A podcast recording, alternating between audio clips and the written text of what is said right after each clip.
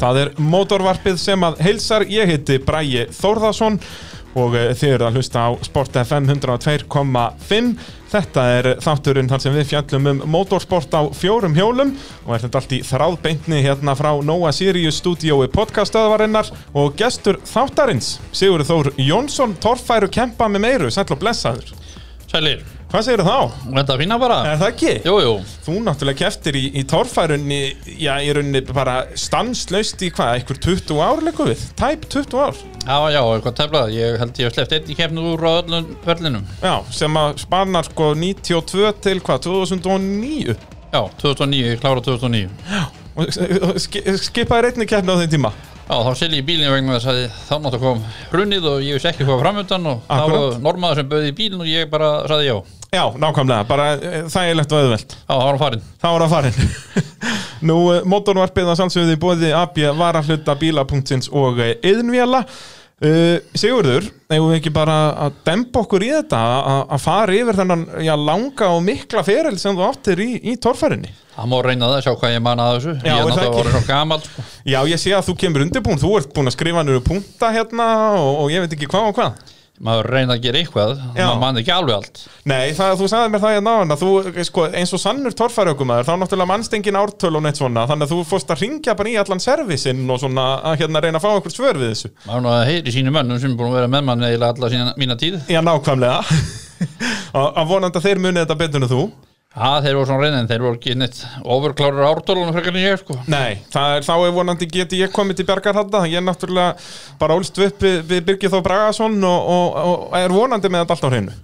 Já, við skulum sjá hvað skeður þegar við förum að revið upp Já, nákvæmlega ég, ég, Við þórum ekki að lofa neinu Nei, Uh, sko, það- ég byrja alltaf á sömu spurningunni með ykkur mótorhausana að ég raun ekki á fyrstu keppnin heldur af hverju mættur í fyrstu keppnin þú veist? Ertu, va- varstu, varstu jeppakall eða, eða bílakall eða sest, af hverju torfara? ég var korki jeppakallið eða bílakallið þegar ég byrjaði Nú það er svoleiðis, Já, bara sendibjústuri þú varst bara sendibílstjóri Já. og, og, og af hverju, af hverju að mæta hann í torfara árið 92 Það var eins og stengur mjög átni sem var að keppa inn í guðbílunum fyrir hans mörgum árun Já, Þá var ég að keira stóra sendibíl og hann spyr hvort að ég var tilbúin að skutla bílunum fyrir þessu á tófarkemni já Ég segi, já, já, það er okkur hægt að gera það fyrir þessi ég Astnaðist til að segja já og, og hér ert í dag Og það enda með að ég var bara að vera servicemann í honum Já, auðvitað, ég meina að því er ekki að standa þarna bara allan daginn Nei, nei, enda þetta var fyrsti maður sem fór að fljóta á vatni Já, einmitt, einmitt þess að hann var á, hann var á eigistum og hann hérna, var búin að klúðra og velta og sá ekki fram að myndi ná einu alvöru sæti og ég segi hann blessa setti bara lág og setti þriði og stattu drullin út í vatni eins og það drullan dregur þá fór á fyrsti bílinn að fljóta þá kemur Gunni Ás, nei Gunni hérna Gunn, nei Gunnar Guðjóns Gunni Guðjáns, hann var fyrsti bíl á sérbrúnni og eftir honum Akkúrat. og þá fóru þeir að fljóta Já, já, það er bara standan já, já, og, og nú er þetta bara í rauninni stærsta dæmið við íslensku torfaruna já, já þetta hafa minn rosalega gaman að horfa á Hva, Er þetta hvað, 90, 91? Eitthvað svo leiðis trúlega, já, trúlega 90 já. Ég hugsa hans í 90, Já. minni það Gunnar Guðjóns fleitar hann yfir pollin á, á eilstöðum 90 og, og uh, þú, já, astnast til að- að servisa bílinn hann og, og keiri með hann á keppnistað og, og þú veist, kom, kom þetta í hausina þar strax hann að fyrstu keppnin, heyrðu, þetta er eitthvað sem ég verið að prófa Já, ég náttúrulega var aðeins búin að fyrta Ég náttúrulega hjálpaði Rikka aðeins sína kringum hvað, 88 eða eitthvað Rikki, Rikki Jónasar Já, já, var hann að keppa, var hann í göttubílum með það? hann var í Götubílun Já Hann var nú einn af þessum hérna sem var búin að vera lengi í þessu Já, já, og svo nátt- var ég nú sem ekki lengi með hann og svo hérna var þetta og svo flutti ég að austan og svo bara liðu tí- árin og þá kom hann og spurði og þannig fór þetta á stað aftur já, þannig að þú varst svona aðeins búin að vera í kringum þetta fyrir, þetta var alltaf eitthvað búin að vera í kringu þig. Já, svona eitthvað hluta En ég minna, myndur þú segja, þú veist, varstu mikla bíladell á þessum tíma eða, eða hafður meiri bara áhuga á þess að torfæru sem, sem íþróttin sem hún var? Ég er sem alltaf átt svona bíladellun, ekki kannski eitthvað svona ofu bíladellu eins og sumi, þeir get Nei. ekki horta á þetta þá í það þeir. Akkurat, akkurat. En þetta, er búið, þetta var náttúrulega mjög skemmtileg feril og líka, þú veist, keppnisliðin sem voru á þessum árum, þetta var náttúrulega bara svo mikið samstæð og annað og þetta var skemmtilegt, menn voru ofta að skemmta sér, bara þó var ekki keppni og Akkurat, akkurat. þannig að þessi hópur var oft mikið saman. Akkurat. Uh, en þú sem sagt byrjar að keppa þarna í 92, fyrsta keppnin á Akranesi, ekki satt? Já, Þa, það sagður allan að við mig þegar ég tók viðtal við þig hérna fyrir heimildamyndinu sem ég gerði. Ég náði að Já. undirbúa mig þannig sko, hlustaði bara það viðtal aftur. já, það var náttúrulega mjög uh, fræg ferð sko. Hann á Akranes, Já, það er svo leiðis.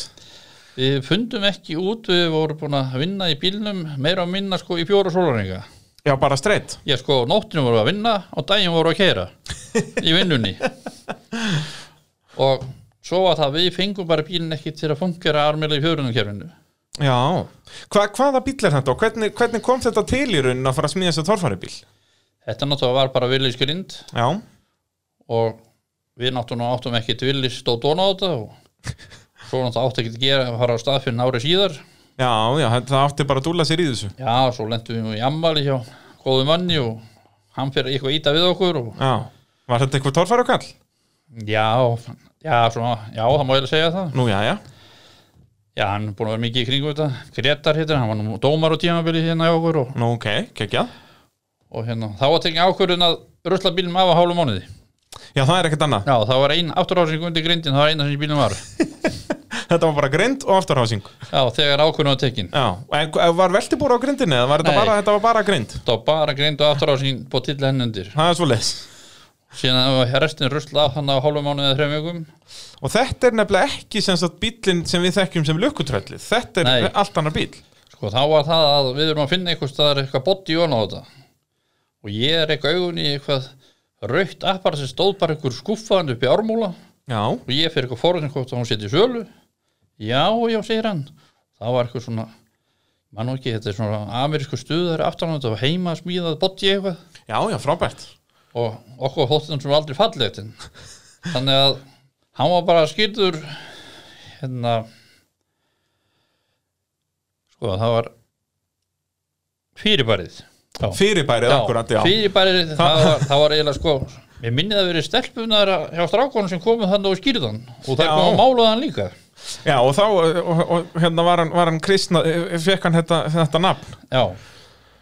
Fyrirbærið. Og, og, og þetta voru, já, ansi stremnar nætur þarna fyrir kefni að að gera þetta tilbúð. Hvað, henduðu bara einhverju vél á niður þetta? Áttuðu einhverja vél? já, það var eitthvað 350 vél sem var bara hendun í bara og skipting og allt bara svona orgin, það var menn voru nú ekki að setja eitthvað ofurgræjur og hins að bíla þá. Nei, nei, ekki, ekki þessa tíu. Og þú varst alltaf með augast að fyrir göttubílafloknum. Já, það náttúrulega var alltaf byrjunin og svo liðu tímanir og Já, en eins og þarna, bara 92, þú veist, hugsaður semst með að byrja í göttubílaflokki aðalega bara út að það var ódýrara eða þú veist, hafður meiri áhuga á göttubílaflokknum? já, það var náttúrulega ódýrar á þeim tíma Já, mikið ódýrara. og náttúrulega við höldum áfram með söguna þegar við erum að fara annað á skaga Já. og vorum orðnir alveg rugglegar sem við vorum að sofa svo lítið svo um miðjum kalfurinn þá ríki ég upp úr sætinu og segi ég er búin að finna út af þessu og þá held ég að stjáni sem sattu hlýðinu nú hvað, það þarf að stýtta bara að ég er rörin þá kemur þetta Stitt, hva, hva, hvað varst að bulla? það voru svona rör sem kom svona u þetta er haldandi kormana Já, veist, og þau Bara í stýttu það, rauninni- þá hækkaði bílinn og þá kom þetta þá kom þetta. þá, það er bara við vorum allir svo rugglegar að við bara föttum þetta ekki Nei. En, en þið, þið mætið í þessa fyrstu keppni og, og, og hvað, þú nærða að burra eitthvað þarna, eða ekki? já, já, ég kerði hana held ég hana fórkemna Já. Já, þetta er á þeim tíma sem er fórkeppni. já, og Var það út að fjölda keppinda þá bara? Já, og það er eina skitt sem ég var fegin að keira ekki meira, það munaði held ég fimm stigum millir mín og rakka skúla, Já. sem ára svo sjöður röglegar og svo fórum við að horfa á stóð svona að horfa á svo sá hann stjáni vinnu minni að eitthvað, einhver keppin sem gerði stökku eitthvað helviti flott og hann kýpir í mig þá var ég bara hrjótandi standandi við hliðan á honum. Standandi. Já, Já, þannig að aksturinn hefði geta verið áhugaverð þennan daginn með þeim svona hálfsofandi, hálfvagandi. já hann að svona byrjaði þetta en Já. eftir þetta fórum við að gera þetta með einhverju viti Já, þe- og keppir bara í þessari einu keppni hann 92. Já, Nei, reynir við eitthvað klárum, aftur. klárum sumarið 92 Klárið sumarið á, á hérna, appar, nei, hvað kallaður þetta? Fyrirbæri Fyrirbærið, alveg rétt. Já, já, og þetta sko Guðni bróður var að keppa líka sko hann að 92 já, ok þannig að hann raunum byrjar á undan mér Já, og þannig að síðan bara fyrir við að keirum hann út þetta ár Já. svo hættir hann og kemur bara yfir í servicin hjá okkur og búin að vera með, með mér eiginlega alla tíð já, já það er, og, og bara eh, þekkt andlit í, í torfærunni já, já, uh, Síðan farið ég að smíða já, lukkutröllið sem að var svona, svona þinn bíl já, þá var náttúrulega raun, sko, raun sama grindi þá bara sett villi skúfa hann á þetta já, og síðan liðu árin og hérna síðan fórum við að spá í kílóunum og þá var tekið skúfan af og smíðað bara svona sínsotn utan á þetta á þetta Já. til að reyna að leta þetta já einmitt, þetta var nú ekkert mjög svona villislegt þarna svona eins og 95-6 Nei, þá, þá var svona afturendin einhvern veginn bara alveg sérsmíðaður það var ennþá svona villis hurðagattið mann ég já, reyndum að reyna að vera með villi slúkið en reyndum að hafa þetta voru raun bara álplötur utan á bílunum sko. já, akkurat, akkurat, og þetta er allt bara til þess að- að að létta Já, svo, svo hérna svo var það allavega ekki 98 þegar ég kom sérbólflokkin já, það er 97 sko, þá Já, hérna 90, það er alveg 97-98 þegar ég var með hvítabílinn Já. Þá var það að þá voru bara sko hliðarna bara smeltar á já, svoleiðis, þá var þetta alveg bara bara hérna, lausa hliðar þannig að það var þetta að henda þeim af í, í kvelli Já, það er búin að ég að setja þær öðru hugafæri nú, Já, ég er búin að selja sem ekki auglýsing ég kom þeim ekki fyrir nú býttu hvað, þannig að hvað gastu skipt um auglýsingar í miðri keppnið eða? Já, spjöldum hann bara snúið við þetta braut milli brauta og Í sumi, alvöru? sumi held ég var komið annan bíl Þetta var ykkur Og alltaf hvað, var, varstu þá að selja auglýsingar bara talaður við markastjóra bara heyrðu þið verði hérna í fyrstu, þriðju og sjöttu braut og, og síðan verði hitt fyrir þetta ekki inn þetta, þetta fyrirtæki sem var þannig á hliðunum þessu árin það var hérna Forsberg já, og þá var það að hérna nei, ekki Horfið, það var hérna jú, en það var sko málið að það að hann var, vildi koma fleiri en einu merki fram já, fleiri sem sagt vörum sem Já. þeir voru að selja og þá kom ég með þessa hugmynd og Já. það myndi bara hafa þetta svona að hann getur bara skipt á milli brauta auðvitað, eina vitið já, Uh, en ef við förum aftur í, í göttubílaflokkin að þarna er náttúrulega hörkuslagur sko ef maður sér hver er að vinna titlan hann í göttubílaflokknum 92 er það Raki Skúla svo Þorsteinn Einarsson árið eftir það og svo Raki Skúla aftur Gunnar Guðmundsson á rapparanum vinnur 95 og svo Gunnar Palmi Pétursson 96 en þér tekst að þú ert alltaf í slagnum hann vinnur einu og eina keppni uh, vinnur fyrstu keppnina þína á lukkutröllinu í Jósefsdal 95 ekki satt jú, og svo aftur á Akranesi það ár og þarna eru líka er að verða smá bylting í þessum göttubílaflokk já, sko það er náttúrulega sko við vorum náttúrulega götudekkjum og við máttum skera í þau og gera, mann var reynda að kaum, reynda að finna sér nógu gróf dekk og skera þau þannig að maður fengi Akkurat. meira grip og þarna var þetta þá bara svipað eins og göttubílaflokkurinn er núna þetta eru bara jeppar á, á göttudekkjum en samt alveg mikið breytir þannig séð já, já, en, en svo voru komna rattir um það að- að, að leifa göttubílunum að vera á, á þessum skopludekkjum Já, það var hann ákveðin menn búin að suða hann í hvert 2-3 ára að- að fara að setja skoplutekku undir þetta og akkurat, og ég var nú eitthvað sem var á móti því já og rakk í skóla, við vorum eiginlega stífastir á þessu, svo náttúrulega fer hann yfir sérbólflokkin og þá missi maður völdin Já, þá varstu einn eftir að að Já. berjast á mótið þessu og, og þá tapaður við núreistunni, semst 95 er ennþá Íslandsmótinu allir á göttudekkjum en í byggarmótinu 95 að, að þá má vera á skopludekkjum í, Já. í þessum Já, göttubílaflokki þá var ákveða til að taka, taka pröfu og sjá hvernig það kemur út Akkurat, og svo held þetta bara svona áfram og ég segi Já. að þetta var til að eiginlega göttubjörflokkin já þarna náttúrulega ég vissu leiðilegast hann út af því að hann hvarf út af þetta varði runna sérútbúnum göttubílaflokki, Já, já, var þetta kallað og, og sem sagt, en þú heldur áfram að 96 en þá í Íslandsmótinu eru allir á, á á þessum skopludekkjum sem eru semst ekki stóru auðsutnar heldur semst einum minna í rauninni já, Og ég mani mitt, þú varst ekki, eða mjög sjaldan á skoplum allan ringin, þú helst þér á jeppadekkjónum að aftan manni. já, vegna þess að bílinni okkur var uppstiltur eiginlega megni okkar tíð að keira meira á framáhringunni Já. upp á, þá var það sko, þá laðið maður bara á bílinn og botnaði það nýran á punktinum Já, svoleiðis. Já, Þetta var aðalega upp á þess að, já, bara Upp á ná að- líka góðum hvernig- vegjum. Akkurat. Og maður sáði þetta líka mikið á þessum árum, maður voru flest allir á sem sagt, eins og í sérubunafloknum á auðsudekkjum að framan og skoplum að aftan. Þetta var svolítið tískan hafna. Já, þannig að maður þurfti oft að taka ákvörðina sko áður en maður laga stað upp að þarna verið gott að taka beigju og botnan þá myndi hann snúa sér og halda áfram. Já, akkurat, akkurat. Það þýðir ekki að gera svo sumir gerir í dag að horfa og taka þetta róleitum og stífa svo bensinkjöfuna. Nei, það þýðir ekki neitt, það maður verið að vera ákveðin En, en hvernig, þannig ertu búin að vera að keppa í, í já, fjöldamörg ár, hvað 92 til, til 96 í þessum göttubílaflokki Hvernig fannst þér sem sagt þróunin vera á þessum árum, þú veist eins og í brautalagningu og, og svoleiðis Þannig að 92 til 96 Ég hattu raunum sko brautina miklu skemmtileg sko sérubúna, þar nótraði sko komast menn lengra Já, já, og menn voru að taka svona meiri séns að láta vaði í börðin og annarko fór bílinn upp eða niður akkurat, akkurat og það var nokkið leðilegt ef þetta fór í loftið og svo bara spurningi hvað er að lenda því Ég segi, það er miklu meira aksjón og, og eins og við segi, þur, þarft ekki að fara að gera við hérna villis frá 1960 ef að þú endar á topnum, heldur bara skiptur um einhver álplötur. já já svo, svo náttúrulega bara liðu tíman eins og, og þessum tímum þannig kringum 90 til 90 já, til, já 97, 8 sko þá voru skoðanir á bílunum svo að þú ert að taka kuppan og fram, fram hérna háringuninu og bremsa hvað öll hjólum myndi ekki bremsa og Já. þú fyrst ekki að vera með nema allt virkaði eins og þetta að gera Na, akkurat, akkurat. en nú er það bara ef hjólinn stoppa þegar stíðið er á og þá bara ertu góður Það varstu góður, þa- þannig að voru reyni meiri öryggiskröfur þannig. miklu meðri Og, en eh, já, þú færð fær leið á göttibílaflokknum, hérna 96 og ákveður að mæta í sérubunaflokkin 97. já, það var ekkert um það leiti sem að ákveða að prófa að fara yfir Já. Og, og hvaða breytingar gerður á bílnum? Hann, hann var nú alveg svolítið öðruvísi þarna eins og þú segir, það voru komna nýja hliðar á hann og þú veist, endur smíðaður bílinn sjálfur eitthvað, þú veist, eins og grind og veltibúr og svo leiðis. já, mér minnum við um hérna aðeins lift upp nefinu á grindinni skármann sundur og beigðan lyftina þessu upp annarkot gerðu það þarna eða árið setna Hvað var það þá bara upp að hann, hann fjadraði meira framann, eða, Já. sest, fyrir, þannig að hásingin hafði meira pláss? já, Og já, það er einmitt á þessum árum hann sem að, já, þið komið með já, svo kallan loftpúða fjöðrun getur útskipt fyrir okkur eh, hvað það er og hva, hva, hvað það var öðruvísi við, við búnaðin sem menn voru að vinna með fyrir það já, við vorum náttúrulega sko konum með gorma sem voru þarna og menn voru Já, þarna voru þið allir bara með gormafjöðrunni Já, já, já, flestir sumir heldur sér við, við fjæðrinnar já og það var, það hafa nú þarna svona eiginlega alveg döttið það ekki já, Það var svona meira kannski upp úr 90 Það held ég eini maður sko, sem prófaði kormana, það var Gunni Guðjóns hún líka þetta ekki sætti fjærið undir aftur Nú það er svo leys Já, hún leist ekkert á þetta Nei, þetta er bara tóm, þetta er eins og internetið, þetta er bara bóla Já, og svo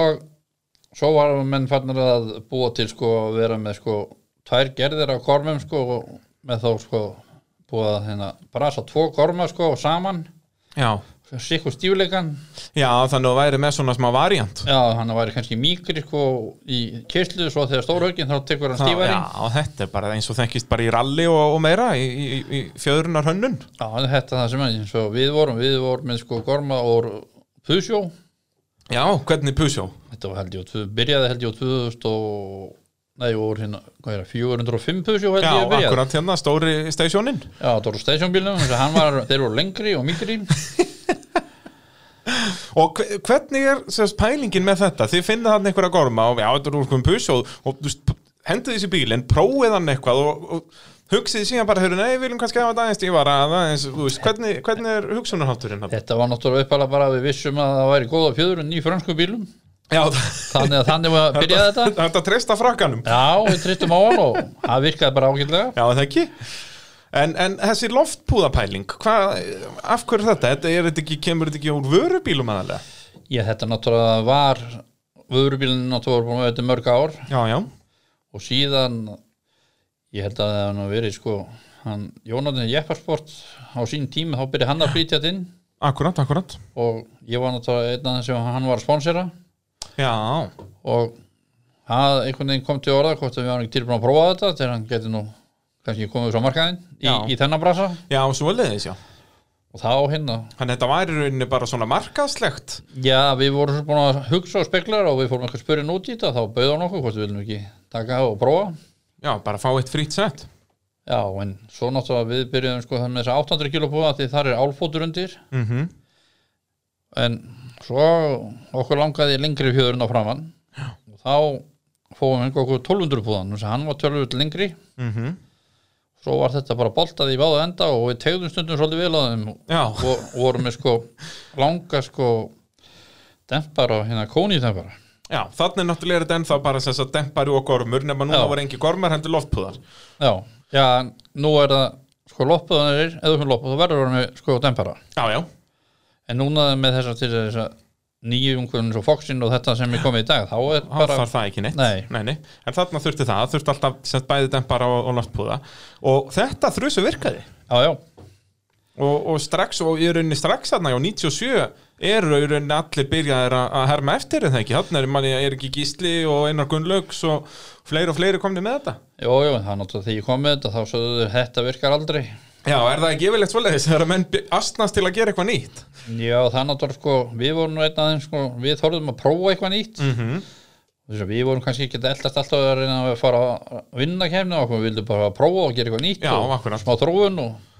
Já, það eh, náttúrulega hjálpaði torfærunni á, á alla kanta, bæði það að- að þið verið að koma með nýtt, en það náttúrulega líka hlýtur að vera þægilegt fyrir ykkur, já, þegar þið eruð, já, kannski ekki endilega að fara að sigra heiminn í öllum kefnum, allavega ekki þarna á þessum tíma, að þá um að gera reyna að prófa eitthvað nýtt og ef það síðan sjónu virkar, þá náttúrulega verðið þið betri. já, þessna fóru menn þeir sem voru að slást alltaf tónu, það fóru þeir að spá að speklur og skoða og horfa Akkurat, akkurat. og eins og þegar Gísli færi sig við loppun, þá var búin að koma nokkur sinnum heim í bílskur og skoða og spekla hvort það Já. sé nú öruglega nothæft Einmitt, það, þú átt margar nefnilega sögur að þessu veit ég að það er Já. svona, þið voru að vesanast í bílunum og síðan ko- eru keppindur að koma bara líku við með málbönd bara og hérna, herðu, hva, hvað er þið að spá? já, já, það, það var náttúrulega oft ansi mikið í trafikkin og Já, og, og varu allir velkomnir? Já, ég, það er bara til þess hann að í lokin hann að 2000 sko, þegar við erum að klára að smíða bílinn þá verður hún ansi sko tæpir á tíma Já. og það enda með að, að strákanir segja, nú verðum við bara að loka bílskotum, bara að veist, við Já, já, erum að fá var, vinnufrið var þetta orðin félagsmyndst Já, þetta? þetta var hann félagsmyndu Já, Já, það náttúrulega gengur lítið. það er mjög oft þá verður lítið úr verki Já, já, það, það vill verða svolítið þannig að hérna, ef þetta byrjar bara strax eftir kvöldmatt að hó- hópast inn fólk að- að vera fyrir að þá, þá gengur lítið. Sumi held að það væri bara að vera að sko útiloka menn þegar það var bara lokað og læst Já, já, en, en já, það þarf stundum að vinna í skúrnum. Já, þegar tímið var orðin lítið til þess að það var ekki marga mínútur eftir þegar bílum var klára fyrir fyrstu kefni Nákvæmlega, nákvæmlega Eh, Það er líka á þessum tíma þarna, fyrir þess að þú ert búin að vera í, í sérumbúnaflokknum þarna 97, 98, 99 alltaf á, á sama bílnum og þá kemur með þennan já, ljónakassa sem er kallaður í dag þessi millikassi frá ljónstöðum Já, sko, ég sem náttúrulega- er í öllum torfæri bílum í dag Ég byrjaði sko með dana 20 millikarn eins og margur annar Já, Nei, já. ég byrjaði alveg með 205 millikarn og svo þegar við fórum að spá í kílónum og þá var náttúrulega það þetta færi núr Já, þetta, það er nefnilega magnað eins, eins sko basic hlutur og millikassi er og eða, sem sagt, það sem hann þarf að gera þá er þetta nýþungt Sko þessi kassi var nýþungur en það hann fór aldrei, það er alveg sem hvað gekk á Já, það er svoleiðis, hann var alveg örugur menn hann brotnaði ekkert Það brotnaði einu sinni millistykki þegar hann fekk hann ekki högg á sig að hann, en kassin sjálfur fór ekki Já, það var rauninu bara við það eitthvað hérna, að lenda á kviðnum eða eitthvað Já. svona þetta var ekki í átaki En svo og, eh, fyrir dana 20 kassin í og hann er þá léttari Já, og þá hérna, og fyrst vorum við bara venjulan minni mig og síðan var það að hann náttúrulega að brotna eins og eitthvað annað sem hann átt að nota Jú, jú, og þá var hann áði bronkókas og sett hann á kvolf settur bronk og millikassi á kvolf Já, af því það var þykra hús í hann Já, en þegar ég fann að þetta er, ég elska þetta við torfærunna bara, það er vandamál við skulum leysa það Já, og síðan var það að þá vorum við náttúrulega komnir á ausunar Já, já, og meira Á- grip meira vesen. grip og átækið, við vorum að keira svo mikið á framásinguna að það er náttúrulega mikið átæk á millikassanum Já,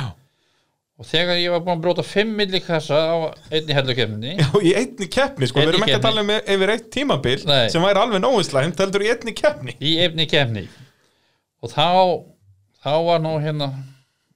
voru nú strákandi fannir að spá að spekla á Já, þetta gengur nú ekki mikið lengur svona eins og hann Steini Bessi, vinnur okkar hérna hann var nú ansið mikið fyrir það spá að spekla á mikið Já. og hann sér, við verðum nú bara að smíða anmjölan millikassi í þetta Já, og, og smíða sest, kom þessi hugmyndi á að- að að í Já, hann, rauninni- hann, það er, sko, hann kemur með hugmyndin með þetta se- og segir sko það er bara smíðið úr ykkur það er langt einfalt bara að vera með tannjóla keðju Já, ekki, við þur- þurfum ekkit annað nei, ekki þess að endalísu gýra inn í þessu Já. og þá fer ég stjórlega um staði og tala við Óla hvort það getur verið að hann eigi eitthvað svona dótt til að hann væri þetta smíð úr þá voru viðræðinu hann við það bræður og Jú, jú, miklu mistararnir hann á já, ljónstöðum já, og þá náttúrulega segja þeir að það væri nú hægt að nota afgangan úr sko sem þeir eru að smíða í milligýran í eppana Já, og þannig fyrir þetta á stað og, og þá segir Tyrfingur ég við gætum nota sko aftur endan á þessu millikassa við þurfum þá að láta smíða bara áli sko fremjulhutan já, sem Við þurfum sagt húsið í rauninni, eða sem sagt Já. fremri partin á húsinu Já, þá segja þeir sko, við þurfum að tekna það upp og hérna láta það steipa það fyrir okkur. Já. Síðan held ég að liði sko tvö ár. Og Þá, Já, þegar loksins var það að við vorum búin að fá okkur alveg nóg á smillikössum Já, og þá fer að leiða á vetturinn og ekkert skeður og þá segja strákan partúð bara stóla staði og náðu í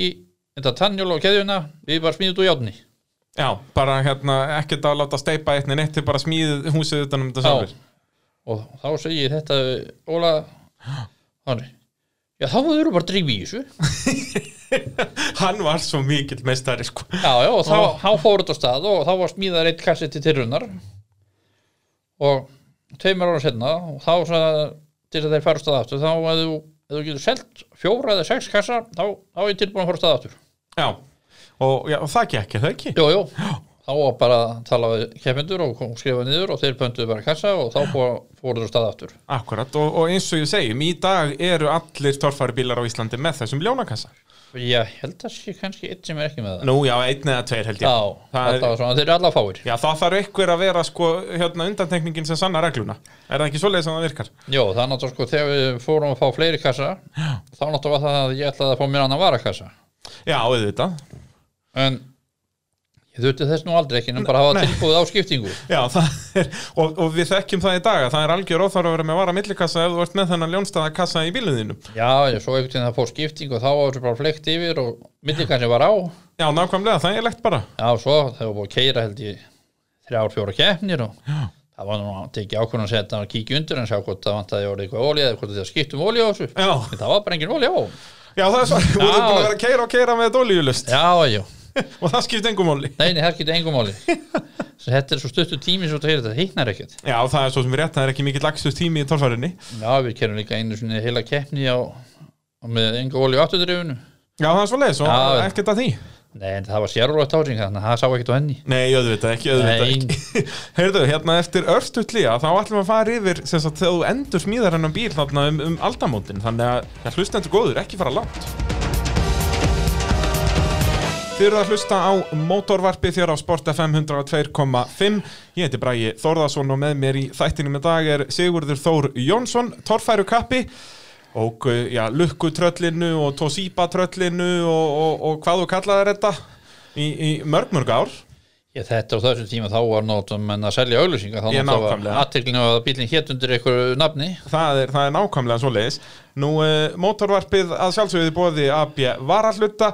Já, einn besta varahluta verslun landsins og eh, eru með verslanir út um allt land Það er eh, Reykjavík, Egilstaði, Reykjanesbær, Selfoss og Akureyri og hveti alla til að kíkja inn á ab.is og kíkja þar Förts bæklingin Þið sjáu linkað hann bara emst á síðunni og Förts eru með já, allt milli himins og jarðar Spray, kíti, reynsefni, syngspray, borar og, og, og fleira og fleira og fleira Þannig að endilega kíkja á það En eh, Sigurður, við erum komin til ársins eh, 2000, það er réttar að sagt eh, svona, já, haustið 99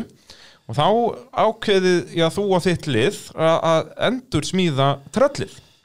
Já, þá var það að hann var orðin bógin þá var ég með hvað héti það hérna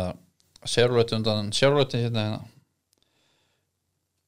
Nei, ég man nú ekki hvað ég hétu þannig að þetta- þær hétu hérna 12 og 14 á- ásingana þannig að Þú- Já, sett afturhásingin var um bógin allavega, það, já, við þurfum kannski ekkert endilega að vita hvað hann heitir. það var sko af því að það var við vildum ekki vera með sko sem sagt, skrúfaða öxla í á utanverðu Já, þá þá var ástu komið sko nöf og þá ástu komið fleiri kíló góðu punktur. og þá var það að, að hérna, þá var það átt að skipta um afturásingu en það endaði með því að það var held ég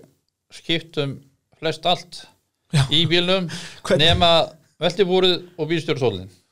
Já, og eh, hvernig er það, hvað smíðið þið þá alveg nýja grind undir bílinni eða? já, það smíði alveg ný grind og en gamla veltibúrið var í lægi og það var bara sett on á Akkurat, þetta er runum bara svipað og gísli G gerði með bílinn sinn hérna 97.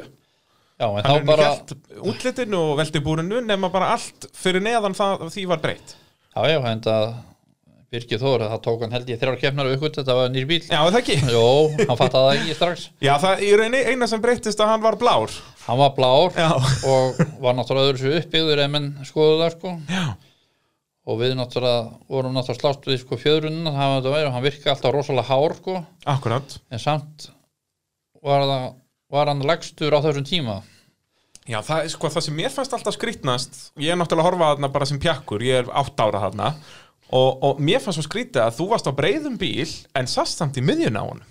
Já, það er sko fyrir 2000 Já, já, en er það Já. ekki líka 2000? Nei, Fæ- það Færir er- þig, færir það- þig Já, þá? ég færi sko, það hefur verið sko 99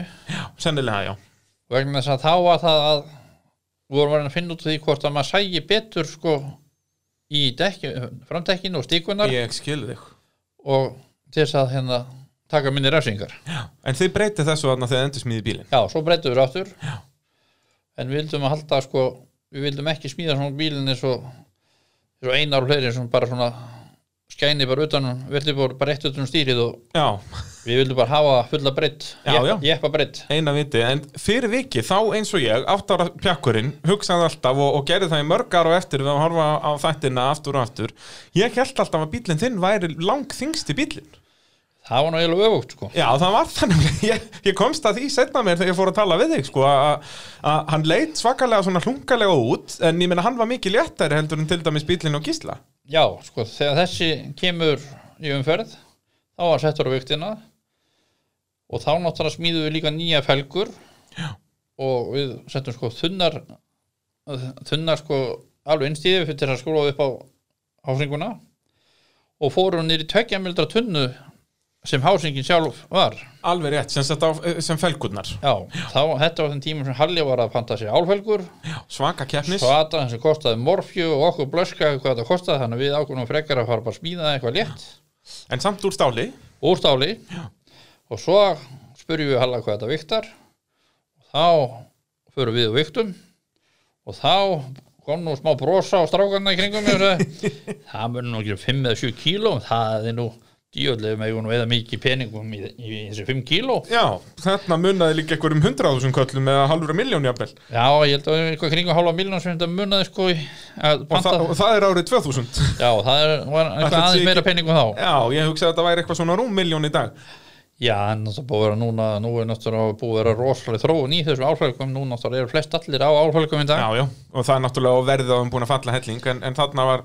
Halli náttúrulega eins, eins keppni sem hægt var að vera og skellti sér í álið en, en magna hvað þið náðuð að vera nálægt í semst með þingda felgum Já, sko, hann yfirleitt að bílni hjá sér væri inn á tonnið Já, og ykkur vildi nú menna að væri 990. já ok, en var, Já. hann- var hann nú ekki yfir tonn? Já, en sko, Eða kannski með 6 litra vilin, já, geta verið já, eitthvað svona menn, í þetta var kringum. þegar sexan var í ón. Já, já, og náttúrulega sjálfstætta fram, hann ekki komin hásingin já. En það sko, við reyndum allt og það var sko, það var hérna tekin sko bremsudiskanir, það var bara sko stað við standbarvélina sko kvöld, þetta er kvöld og bóra gött í diskinn til þetta þínum kílóum. Þetta var alveg fænið alla leið Já, já, og það var sko svo var allt sem kom út diskon tekið og viktaði hvað þetta var mikið sem við grættum Já, voruð alltaf með fötu með og skellt á viltina alltaf, alltaf að reyna að græða meiri kíló Það er náttúrulega geggjað sko En hver, hver var munurinn? Var sem sagt bíllinn fyrir þetta, þannig 99 bíllinn eh, og 97, var hann mikið þingri eða náðu að létta hann helling hann? hann var einhverstaðar á milli 1500 og 1600 kíló Já, þannig að þið náðu að taka hann hvað, eitthvað næstu í 400 kíló á hann já sko 1230 til 80 kíló kom hann þegar hann kom út úr bílskotum Og hver er helsti munurinn hann? Af hverju náðu að létta hann svona svakalega mikið? þá náttúrulega smíðu grindina og prófílum í staði fyrir að vera með sko Já, bara eitthvað villiskrindina. villis, já, já Það er náttúrulega hellingsmunur já, já, og hérna og svo eins og ég, það var allt farið og það var bara þú veist, það voru eins og runum gataplötunar sem voru inn í hann þú veist, gólplötunar aftur í það var allt með götum og, Já. og þetta var alla festinga var reynda að nota sko í fleiri en eitt atriði Já, já, nákvæmlega, Al- aldrei, það sést, já, að- að- hver einasti punktur á bílnum myndi allavega þjóna tveimur tilgöngum. já, það voru þannig að sérstaklega tveir menn með mér sem voru alveg harðir og að það, þetta væri hægt Já, akkurat Og var það ekki líka svolítið líkilega velgengni að hafa, hafa gott fólk í kringu sig? já, já, ég var það heppin ég hafði ke- mjög góð, gott lið í kringum mig Og þú náttúrulega varst líka mjög segur við að náður í styrtaræðila. Bíliðin var alltaf algjörlega frá toppi til táar út í limmiðum. Já, já, það er náttúrulega, ég var náttúrulega líka alltaf á ferðin þannig á þeim tíma sem ég var bara sendibjúrstur og hafði kannski tíma til að skjótast í eitthvað fyrirtæki og Já. tala við fólkið. Þægilegt. Já, já. Svo svona setna árin, þá var nú mikið af þessu bara sömu sem vildu bara alltaf vera áfram og þeir höfðu bara gamla að vera með og Já, fylgjast með. er það ekki mitt svona? Þegar mann er að byggja upp góð sambönd, að þá svona bara gerist þetta automatist. Já, já, það var til þess að eitt styrtaraði hjá mig, hann ringdi alltaf upp á áramótun verðið ekki að vanta peninga Já, hann ringdi þig, það var ekki Já. öfugt nei, nei, nei, þá var það að hann vissi að við vorum náttúrulega ekki peningi við vetratíman að gera bíl tilbúin Akkurat, akkurat, hann, hann ringdi að fyrra bræða svona, heyrðu, þurfið ekki eitthvað nær já, það var svona í desember, þá ringir hann og spyrir hvort að ætlum ekki að vera með já, Þannig erum við að tala um góðan spans þegar að þeir Já. fara að ringi þig þetta var mjög gott fyrirtæki og þeir voru góðir og, og hérna, voru með mér held í tíu ár Já, svo leiðis já, já, það er, það er um að gera og uh, já, 2000 tímabilið að, að, að það gekk svona ágætlega en þú náttúrulega kúnt veldur bílnum hann var það ekki í Jósefsdal já, voru hann fyrstu, fyrstu kemninni já, það hérna, hann flög aðeins og langt já, þetta er svona þú ert að fara í, yfir eitthvað svona léttan skurð og, og þetta er bara eins og úr einhverjum tölvuleik þetta er alveg magna sko, það var nú flestir síðan klippum af þessu að þarna, þú ert í svona hliðaralla og það er pínu skurður í hliðarallanum við þengi og þú svona einhvern veginn stekkur á, á, frá framhásinguinu í rauninni og lendir síðan á toppnum bara þarna neðst í hliðinni Já, fyrir- það lendi hér út og þá hérna skektist aðeins búrið í honum og eitthvað og Já. Þannig að það var, þetta var Já, við, ég, við getum bara hlustað á hérna viðtal við þig í þess að keppni eftir þessa sem var í Mósfjöldsbænum held ég, við skulum, við skulum hlusta. Sigurður, bílinn fór svolítið illa hjá þér í síðustu keppni. Já, það er ekki hægt að neita því Það er að sjá að það hafi ekkert komið fyrir það núna. Nei, enda var hann tekin og smíðað allt nýtt bæði nýtt veltibúr og, og allt nýtt body og það rétt í hann grindin Er þið er þið ekki farið að hungra í fyrsta sætið? Jó, ég get ekki neitað því en við skulum sjá hvað verður Já, farin að hungri í fyrsta sendið. Þarna náttúrulega ennþá, áttu ennþá eftir að vinna í sérubunafloknum. Já, já, þarna er maður bara raunin að byrja sko í slagnum sko Já, þarna ertu í rauninni, já, þ- það það er mjög vel orðaðið mitt að þarna f- áður en þú breytir bílum þarna, þá er þetta, sérst Einar Gunnlaugs, Gunni Egils, Kísli og Halli, og þú veist, þeir eru yfirleitt allir á undan þér, þú áttir svona einn og einn velunapall og, og allt það, en þarna ertu fyrst svona að byrja að keppa við stórastrákana. Já, þá, þá var líka sko, þá var maður búin að smíða það og hanna sko alvöru hásingu Já, og við komum þarna með sko Dana 60 ökla akkurat. og við komum náttúrulega fyrst í með það eins og margt annað þannig til að gera einhverja tilraunir Jú, jú, og þá hérna tökum við kæsirhásingunum undan og setjum sko smíðum með sko 44 rífus í drivkúluna síðan var bara sett þund rör í það já, þannig að þeir eru inn í smíðið h- hásinguna sjálfa, þess að Já. það sem er utan á, já. og, og liðhúsin sko þau eru sko úr klóhásingu á bronko hvernig, hvernig voru pælingarnar í kringum þetta þú, veist, þú hlýtur af að hugsa, þú veist okki, þetta er það sem ég þarf hvar get ég fundið það, þú veist já þetta náttúrulega sko bæði sko þetta viktaði minna já,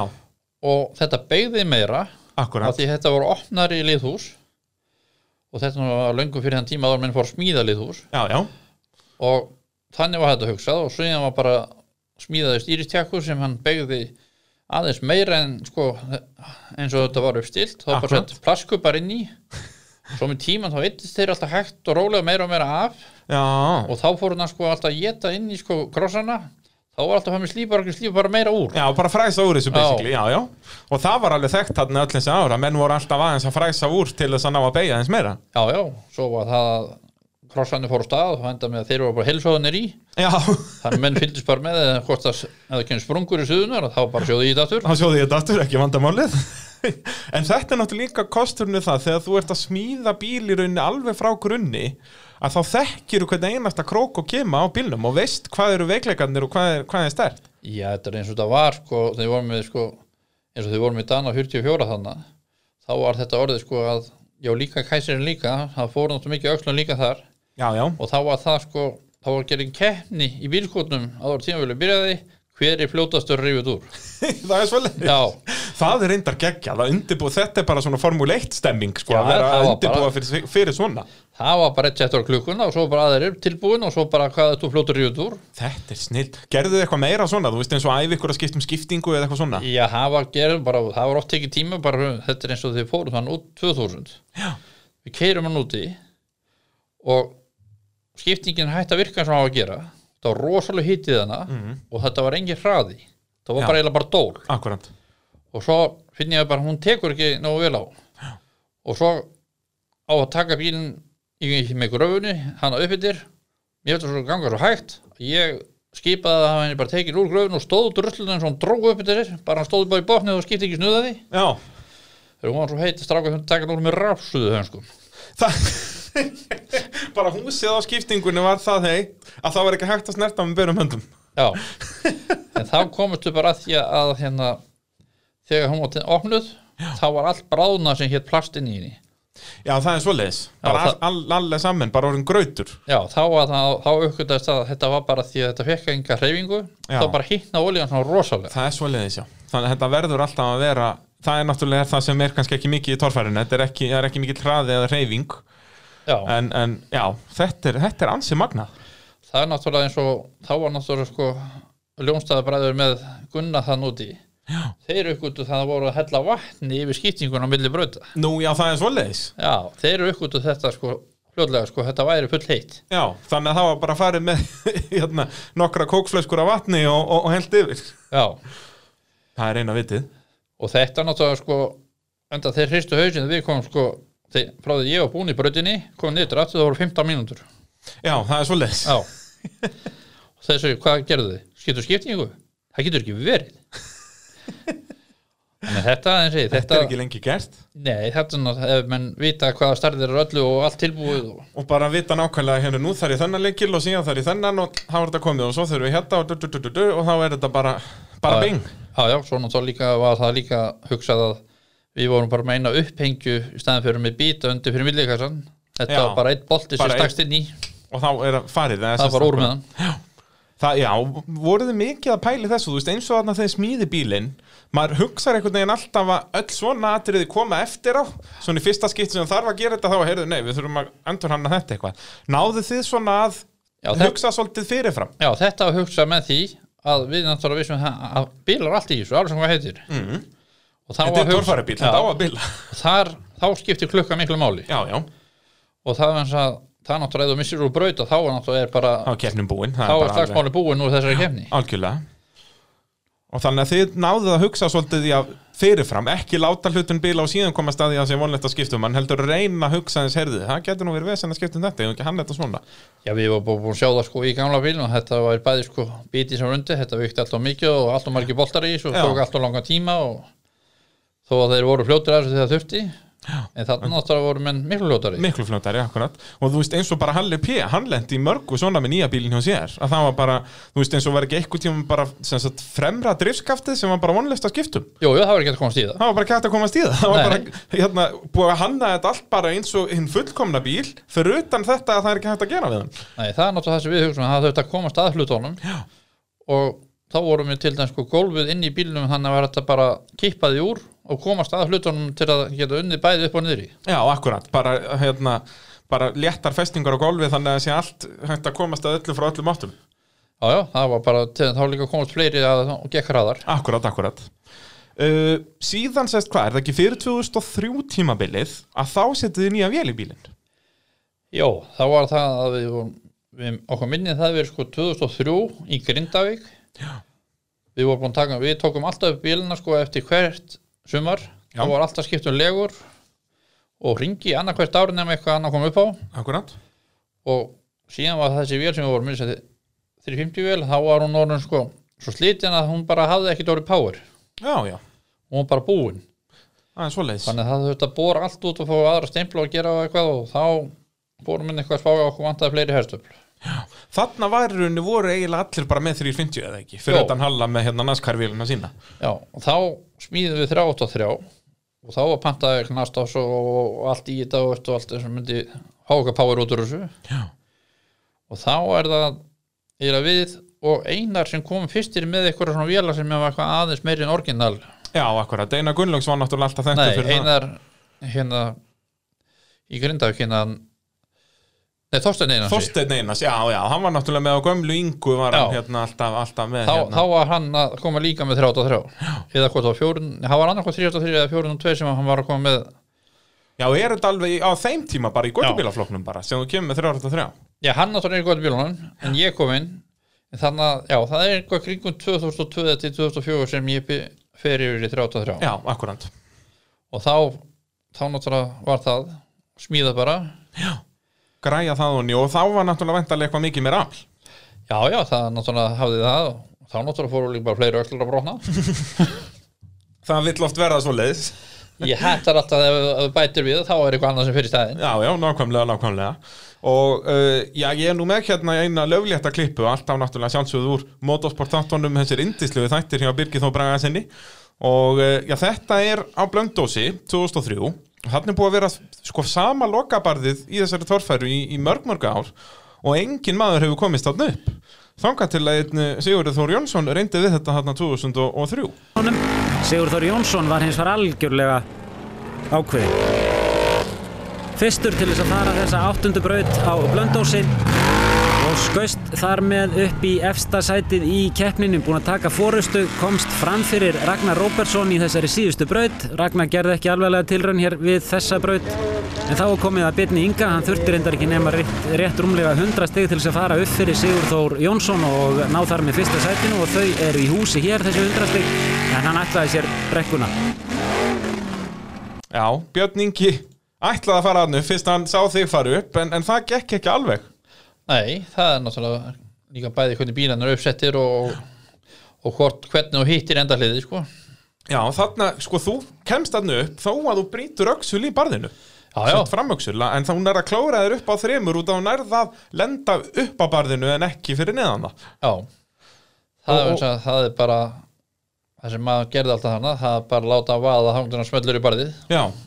og, og hvernig er þá tæknin við þetta að fara upp þessu ótrúlegu börð er þarft að bremsa um leið og framtekkinu komin í barðið eða bara slá af það eða er bara slá í stega aldrei og bremsuböðar aldrei á bremsupedalu, nei ekki þarna Nei. Vegna þess að ef þú stóðst á bremsun og lendir þá er meir hægt að fara fram fyrir sig Já, já, auðvitað Það er nákvæmlega svoleiðis og þá líka færi stingdum framar og, og allt þetta uh, Af hverju fer Björningi ekki þarna upp? Af hverju fórst þú þarna upp? ég lít bara að vera með betri bíl og betri bílstjóri Já, ekki miklu betri bílstjóri það náttúrulega. lítur að vera En þetta var svakalega velta hjá Byrni Inga Svo við förum kannski aðeins út fyrir, út fyrir það sem við erum að tala um að- já, hann fór helviti illa hjá hann og hann var nú hálf rugglar svona fyrsta klukkutímun eftir Já, að það veltuna. ekki, það er hérna og, og rúlega þannig er hann sem stá á eh, fríðu grei sem verður refurinn hjá Óla bara Já. og, og, og bílinn já fór bara alveg í mask þarna en, en, en hann mætti nú í næstu keppni ekki vandamálið ég held líka sko það menn voru oft treyjur að stíga á bensinkjöna strax og náður stefnunni Já, já, að menn voru að fara á seintagjöfina og þá varstu í rauninni um leið og ferði í barðið á oflitlum hraða þá ferði alltaf aftur fyrir þig já, þeir meiri hraða sem hún nærði í þetta þá er meiri líkur að fjúku upp Já, já, að leifa feðrunakerfin að vinna já, Það er svolítið svo leiðis og þarna náttúrulega eru við líka konir sko, eru með lengri fjöðrun en hann á þeim tímum Já, já Ég man nefnilega að bíllið þinn, hann var alltaf mjög góður í þessum sko svakalegu börðum sem voru bara svona straight up eða sem sagt bara beintu upp og þú veist eins og ég man hérna þæga barðið var ekki grindaug 2001 velt upp brautin mikla sem enginn komst upp en þú ert einn af fáum sem að kemst upp og nærða að lenda á öllum fjórum hjólunum en þá brotnar framdrifið eða, eða millikassi Já. eða eitthvað og, og þú endar á að rúla niður já, það er braut sem átti ekki að vera braut Það er svo leiðis já, Bíddu, Þá- segðu mér. þetta var þenn tíma sem minnum við að Svanur var að stjórna Já, og hann ákvað að setja tvö dekkan upp og fara í brautarskoðan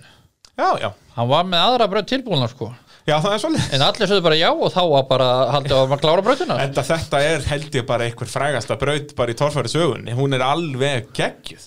þetta var alveg braut mjög skemmtileg hún var notuð oftar en einu sinni sko Já, og en eins og hann að 2001 að þá var þetta, ég held að hafi oltið fleiri heldur en sem sagt ekki,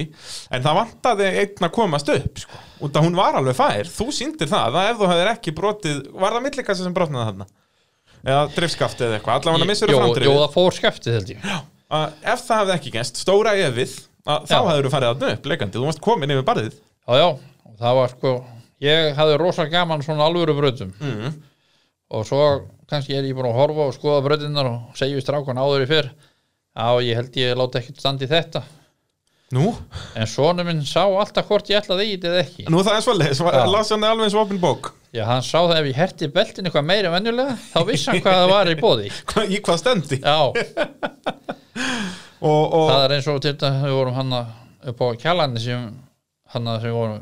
hann litli hóllin sem var hann um örg já, ára já, sem var aldrei ábygglega sko einhverja 20 tárfærukefnir í Já. alltaf þessi sami pingu litli hól Já, þegar ég var búin að sjá að menn veldu bara hver eftir öðrum Já. og ég segi svona við stráka ég held að það sé ekki þess virði að vaði í þetta og skemmi eitthvað Já. svo svo maður horfum maður á þetta þegar maður kemur nær og sé, jú, þetta er nú alveg séns að fara þetta Já. þá herði ég beltin og ég flýgu upp og hann tekur hring og hann tekur sko hringin uppi og afturhásing hún dettur fram á barðinu hinn minn og ég bakka það niður Já, það er svoleiðis. Já. Þú, þú kemst yfir hólinn, það, það er náttúrulega vandamál að vera með pingu lítinn hól. já, já. Það var hægt hann beggja vegna. þannig að ég vald upp á, tók hring og Tók á aftur- hring. afturhásingin dettur fram á kantinu hinn minn og ég sleppi bara eins og hann húrra bara Og niður húrra niður. Já. Getur ekki klika. svo kom að strákan að hlaupandi og ætlaði að taka á móti mér, þá kom ég bara hér á móti þeim Já, bara góðan dag. Póll slagur. já, já, já, Þetta það er er, náttúrulega dásamlegt. þetta er alltaf gaman svona alvöru brautum og Já, þú varst náttúrulega alltaf mjög litrikur keppandi. Það var alltaf hlakka til þegar að Siggi var leiðin í braut. Ég, það er náttúrulega til þess að ég er svo kemni það er náttúrulega á að reyna að nota þetta Er það ekki? Jú, líka það að þú náttúrulega gætt alltaf stól og varst með góða menn í kringu þig Já. Nákvæmlega, nákvæmlega. það er nú það sem skiptir máli Já, vita það að þú getur alveg brotið hitt og þetta og þú veist að þú mynd komast í næstu braut út að þú treystir á, á þína menn. Já, já, Þannig að það er, það er nákvæmlega svoleiðis. Hérna eftir örstu klíða að þá skulum við halda áfram að, að fara yfir ferilinn, þannig að já, ekki fara langt. Þið eru að hlusta á mótorvarpið, ég heiti Bræi Þórðarsson og í þessum þætti fjallum við um já, mótorsport á fjórum hjólum. Erum að tala um torfaranu núna, Sigurður Þóru Jónsson er hérna með mér og, og við erum að fara yfir ferilinn og uh, erum komin til ásins 2003, Sigurður. já Þetta ári liðu, hægt og rólega Já, já, það er svolítið svoleiðis og, og já, kannski áður lengra er haldið skulum við nú minna á já, besta bílavestæðan landsins, eh, bílapunktinn í grófinni 7, Reykjanesbæ. Það er, eh, já, þeir eru með allar almennar viðgerðir og svo náttúrulega frábært sprautuvestæði líka, þannig að ef það þarf að já, dutt eitthvað við bílinn eða vesanast eitthvað í bílinnum að þá endilega skella sér þangað og, og bílapunkturna sjálfsögur líka búin að vera mjög duglegir að styrkja motorsport á Íslandi, þannig að um að gera að styrkja þá tilbaka og, og fara með bílinn þangað ef að eitthvað eh, amar að það er nú svolítið svoleiðis, Sigurður en, Svo- eh, já, 2003 Sko, 2003 já, Já, alltaf ekki verið, var það ekki þá sem voru sko bæði bíkar og Íslandsmót við vorum að keira 6-8 keppnir að hér heima í einu það getur verið, jú, jú. þarna, ja, það, það gæti verið þessi hætt 2003, en það var allavega svo 2000, 2001, 2002 Já, að þá voru þetta, já, alveg átta, jafnvel nýju keppnir Já. og út af því að þá var sem sagt Formula Offroad Open eins og það hétt, byggarkeppnin já, og, og svo Íslandsmóti, Íslandsmóti voru yfirleitt sex keppnir og heimsbyggarinn voru svo átta eða nýju og þessar sex í Íslandsmótinu gildu líka í því Já, stundum voru, að- já, þeir voru, þetta voru svona að keira svona 6 til 8 keppnir hildina. Já. Ég held ég færi mest yfir tímabil þá held ég færi 9 eða 10 keppnir á einu tímabil með að fara út til Norris líka. Já, við tölum um það mitt á eftir að þá, þá, en þetta var he- mjög mikið prógram hérna um aldamótin Ég þetta náttúrulega var þann tímum sko að þetta var bara keir sko helgi eftir helgi en það maður gerði ekkert annað eða yfir humarið. það var bara, ef það var ekki keppna þá var vast í skúrnum Já, já, svo eru menn að væli í dag að þó að sé einu sinni keppni með viku millibili já nákvæmlega og þeir eru þeir að keira 36 keppnir. það, þetta, var, þetta var gott prógram en, en þarna er komið árið 2003 og þarna áttu ennþá eftir að að vinna keppni í sérubúnaflóknum búin að vera að reyna síðan 97 Já, og, já. og þá kemur hellutorfaran og þá ertu nú ansið nálagt við skulum, ég hef ekki bara heyra hérna smá brot frá okkar manni Birgir Þó Braga sinni Já, Bíllinn aldrei hyggsta og það gerði hann ekki hjá Haraldi Pétursinni. Hann fór á undan Sigurður Jónssoni og fór brautina til enda og var núna 167 stigum á undan Sigurður Jónssoni. Og þannig erum við semst í mýrinni síðustu braut fyrir þá sem að ekki, ekki kveikja á því. Það er erfitt að, 160 erfitt að vera með þetta svona í útvarpi. en hann fellir eina stigu og þá þarf hann á 180 stigum hér því það dragast á honum 10 stig en þetta eru aðeins 160 stig samtals ég ætlaði að reyna að fara meira til hægri en svo bara þegar ég fór og verði þá bara sá ég ekkert og reyndi bara að stýra eitthvað og hérna þannig ég lendi ofan í pittinu það sem bílinn undan settist í sko þannig að þetta var dýr það var svo dýrt að stoppa þarna Já, það var ansið dýrt. Þetta hvað, þú endar að tapa með ykkur um sjö stegum? Já, þannig að líka á þessum tímum var mýrin aldrei kerið eins eins og við gert í dag Þarna var alltaf nýtt challenge. Þú gast ekki muna nákvæmlega hvernig hún er eins og menn geta gert í dag Alveg, hvort finnst þér betra? Finnst þér að það ætti að vera svoleiðis alltaf ný- eitthvað nýtt? Ah, Ég, Það er erfiðar að kera hana Algjörlega, me, me- hérna, meiri áskorun. Já, já, en þetta er bara, ég held ég þetta sjórið í landeiganda, hann vil bara að þetta sé svona til að skemma síður. Já, svoleiðis, að við séum alltaf bara í sömu förunum basically. Já, ég ekkert hvernig heyrði ég það. Já, það, það, það má vera, þetta náttúrulega fer- fer ekki vel með grasið litla. Ég, þetta er nú bara mýri sem er náttúrulega, maður sér af alla munin, hvað þetta er liðið einhver tveðri mánuðir. Nip, það, er- það er nákvæmlega svoleiðis. Þannig að- að já, þú þurftir að býða eftir sigurinum eftir þetta. Eh, Fyrir 2004 tímabilið, að þá kemur með eh, þessi bygger digger ausudekk, eins og við kjósum að kalla þið. Ef við höldum að þessi, ég held að þessi 2004 frekar en 5. Já, það var allavega einhvern veginn á þessu bíli. kannski þrjú jafnvel, en eitthvað þarna á þessum árum og, og þetta eru sem sagt ausudekkin sem að, sem að ausan, ef það er hægt að orða það Já. þannig, nær yfir allt dekkið. Já, sem er Það voru bara, dekki patlar sem sagt hægri vinstri, hægri vinstri þessi var með palla bara alveg þvert yfir alla leið. og, það hlýtur að vera meira grip. Og það voru sko 16 tómum breið dekk. Já, þannig að sko magnið á sandi sem þetta gætt mokað var nú ekkit lítið. Nei, og þetta var það að hérna ég og fór eitthvað forvitnast með ausur því mér fannst þetta svo helvitir strallan sem Benni var, þetta alltaf að vera að tappa þetta, mátti ekki hleypa úr þá kom hann gata á þetta Já, og þannig eru bara allir að kaupa af bíl og benna eða ekki. Jú, þannig að það voru nokkur búinir að gera tilhörnir að panta svona dekka utan Já. áns að vera hjá Benna Já, og það var alltaf bent á Benna já það er svo leis. og svo tókst okkur að fara sko næsta fyrir framar hann og við kaupum á honum dílirnum sem er að selja dílirnum hans Benna Já, svo leis, já, bara sleppa the middleman, eins og Já. maður segir. og þá var ég bara með einn af strákunum hjá mér, hann var svo helviti góður í tölvum og, og þetta og svo hérna, hann bara heldur áfram að reyna að ná sambandi við þessa menn og, Akkurat. og svo svo pöntu, pöntuðu þetta Já. og þá segjum við hann að við viljum fá sko með þykkum hliðum og nýdekk Já, á, ekki út af semst, ef við Ekki. útskýrum aðeins f- fyrir hlustendum sem vita kannski ekki alveg hvernig ausudekkin virka að þetta er í rauninni gömul kvartmýludekk sem búið er að spóla á í kvartmýlu á þessum dragsterum Já, svo er líkt á svoleiðist eitthvað þetta. benni, svoleiðist var benn að flytja þetta inn Akkurat, þetta voru svona annar flokks dekk sem þeir kölluðu úti Já. og búið að líma á þetta ausur Já, þá bara Benni segir þetta margar ausur Já. og líka það, á þeim tímum þá eins og við kallum sko, þá voru alveg upp í sko 24 palla á hverju dekki Já, og við fórum fyrst nýri 16 og það náttúrulega var mér og síðan enduðu nýri 14 já, en þú fær bara, bara miklu meira grip út úr því vegna þess að þá nær sandurinn að losa sig út úr dekkinu já, þá er þetta ekki þá er þetta ekki í rauninni að fyndla sig á sandi í rauninni Nei og svo náttúrulega líka fóruð þróun og þá fóruð við að mjókka dekkinu og voru konir í 14,5 og ég pantaði þannig og vildi fá ný dekk og þessu Já, það er svona stóri munurinn mitt að þú vildir sem sagt nýdekk, ekki sem búið er að spóla á kvartmýlubreyt já, og við málum og hann segir Þetta er brálað og ég þarf spólaði nýju dekkin niður í, alveg niður, bara henda þið Já, við erum alveg saman það Ég ætla að fá 60 svona dekk 6-10, Já, hvað það er voðalega sem ætlar að nota þessu Ég náttúrulega talaði bara við strákana hvort að þeir vildu og ég held að þeir verið ykkur átt að dekka eitthvað sem ég var ekki búin að selja þegar þetta kemur Já, það er svoleiðis Já, já, svo bara fór þetta já. og þá náttúrulega voru við búin að, var ég búin að sjá þessi sko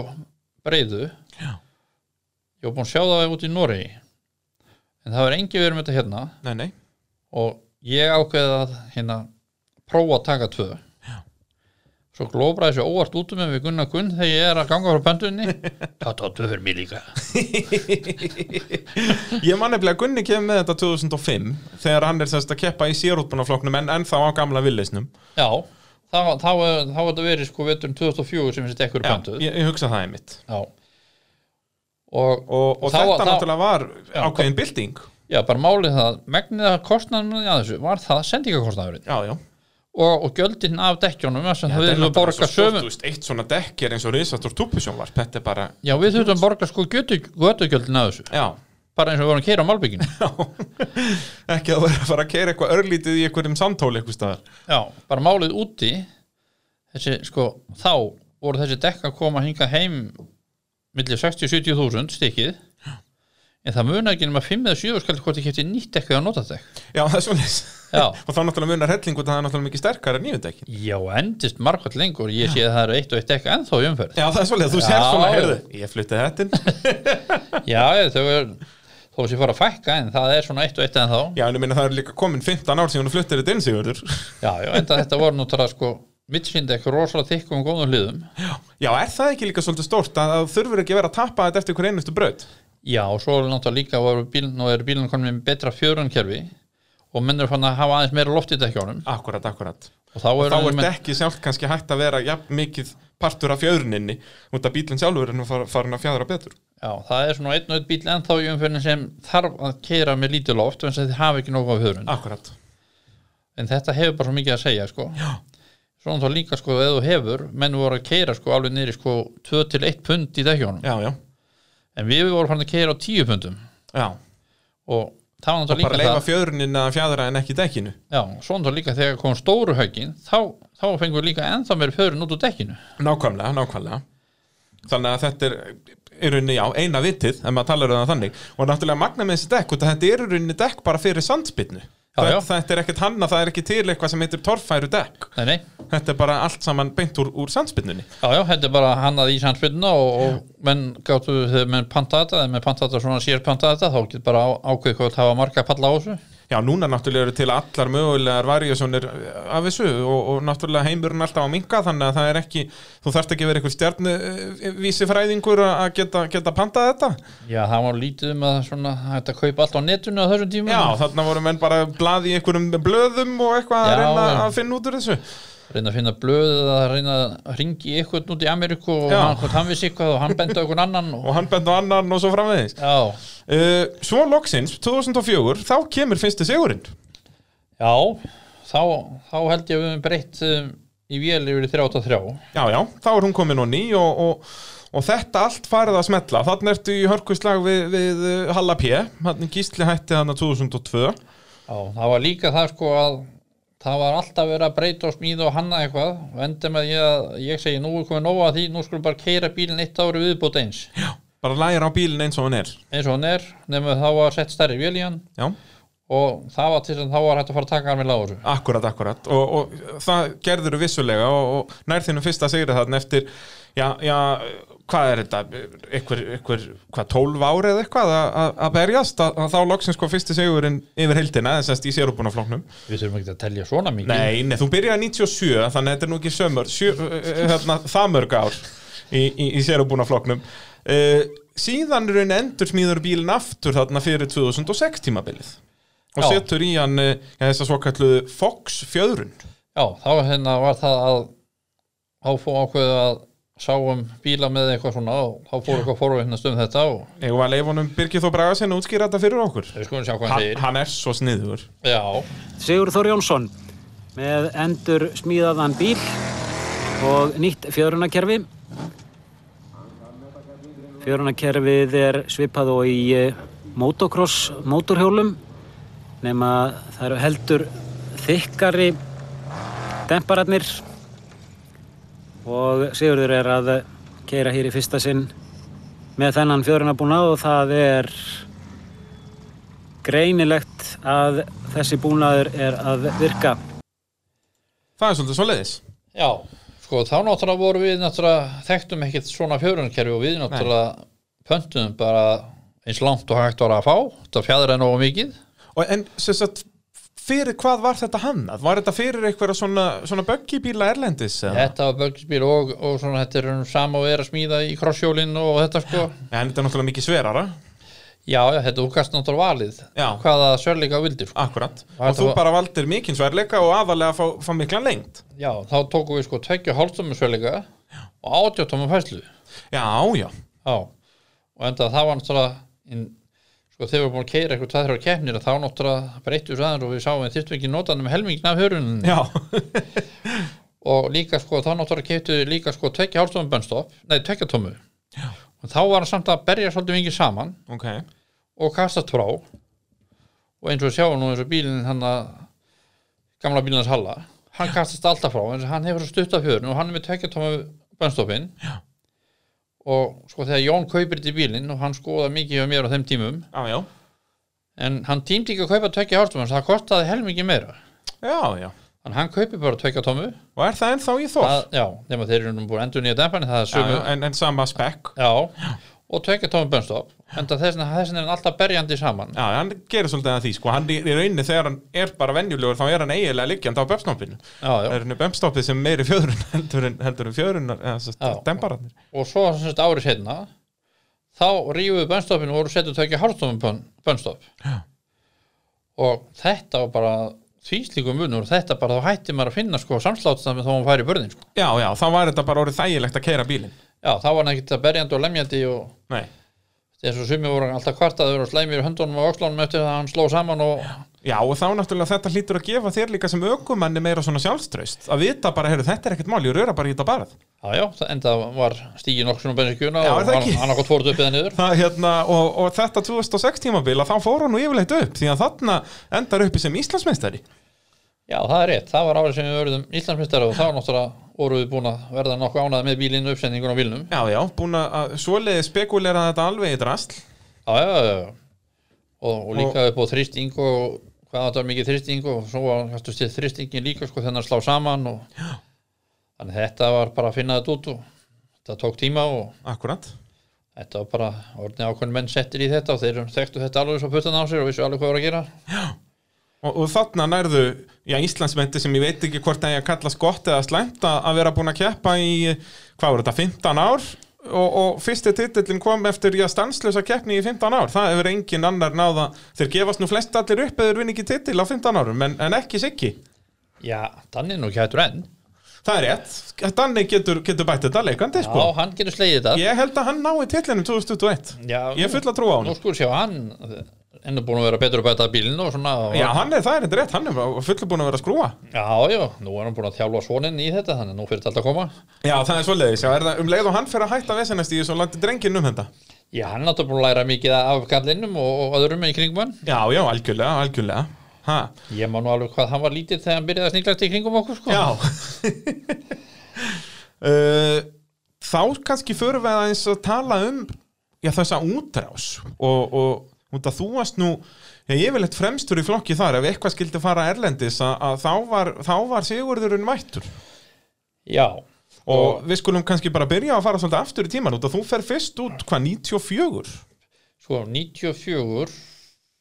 sko þeir fóru út sko hvað var ekki kringum 90 88, 90 þá fara þeir fyrst út Já. og sem hérna sko jeppaklúburinn hérna sá klúbur sem var þá já, bara jeppaklubur Reykjavík Já, hérna það ekki bara Jú, hann hétt það sko og þá var, fóru þeir pröfuferð þetta var menn voru ánað, ánaður og það, þá náttúrulega var engin toppar í Noregi að Svíþjóður einstæðar nei, nei, ekki danninu viti Nei, nei, þá voru þeir að koma og sína hvernig það væri Mhm. og þá var hann svo lítið um tölvubúna til að fylgjast með öllu nei, þetta var bara einhverja ljósmyndir í, í, í blöðum, tímaritum Já, já, og hérna þannig þannig að sjá menn þannig í þetta bæði Íslendingar og annað sem voru að sníklast þannig að þessum og svo flýtur eitthvað af þessum Íslendingum út þannig að á nokkur árum setna já, já, eins og eh, Bubbi og já. þeir voru svona fleiri Íslendingar hérna og Já, Bubbi er náttúrulega einn af þessum mönnum sem, að, sem að, já, kemur þessu út þarna Þeir- er ekki fyrsta ferði 92, minni mig Þú ferði í aðra ferðin í rauninna 94 já, þá, þá var búið að prófa þetta einu sinni Þá 92 vo- já, og, og þetta gekk nú ágætlega farið þið síðan ekki aftur 95 Já sko við förum hann 94 við förum hvort það var 93 sem ég, Steini Bjarna og Gunni, við fórum út Já. til að skoða aðstæður og tala við þá og annað Já, svoleiðis Já. og hérna þá fórum við raunum sko fyrstu kemna þeirra Já. það var svona ekki mikið um bíla en það var svona aðeins og þá vorum við að ræða máli hvort að þetta væri nú sniðut að fara út í þetta Já, og hérna þá var farið á stað árið síðar og þá fóru við að reyna að smala saman og fara og þá var hann bara reynt að koma eins mörgum tækjum inn í hvert bíl og fara með þetta eins og ódýran mátu hægt var Ö- að fara auðvitað Alveg mekkfyll alla gáma og allir saman ég við fórum bara sko með kerrur og fórum með norrænu Já, það er svoleiðis, bara Já, gamli já. skólinn já ég maður ég fór að kassa bílina mínu og ég fór með bílinn minn og bílina bjössa Já, og svo var það svo var það bara voru menn með kerrur og reyndi að gera þetta eins og við þetta Halli fór bara með sinna og opnir í kerru já, já, eina vitið Já, já, hann mann ennþá eftir því sko þegar hann mætti treyleitinu þegar hann láði stakkerfinu undir vagnin til að ná beginni og, og svo náttúrulega megum við ekki gleyma þræðri svindonferð árið 2000 Já, já, við hérna, við, ég rætti þetta nú aðeins hérna við hann uh, Danna Þönder hann var náttúrulega hann úti líka já, já, að þetta var, já, heljarina keppni og, og, og heljarina fyllir í og ég veit ekki hvað og hvað já, já, já, já. Það, Danni sagði mér að hann var kláraður barinn á hótelinu hann var, hann var, ekki, hann var ekki til að unsa af áfengi já, Nei, nei, það var sko menn sko kunni alveg að taka á því þegar kemni var búin er það ekki? Já, þetta er eins og, eins og ég sagði því áðan að það, þetta var skemmtur hópur, hafði kunni alveg að skemmta sér saman Já. og ég gleymi ekki þegar Svanur spurði hvort hann fengi salin hann uppi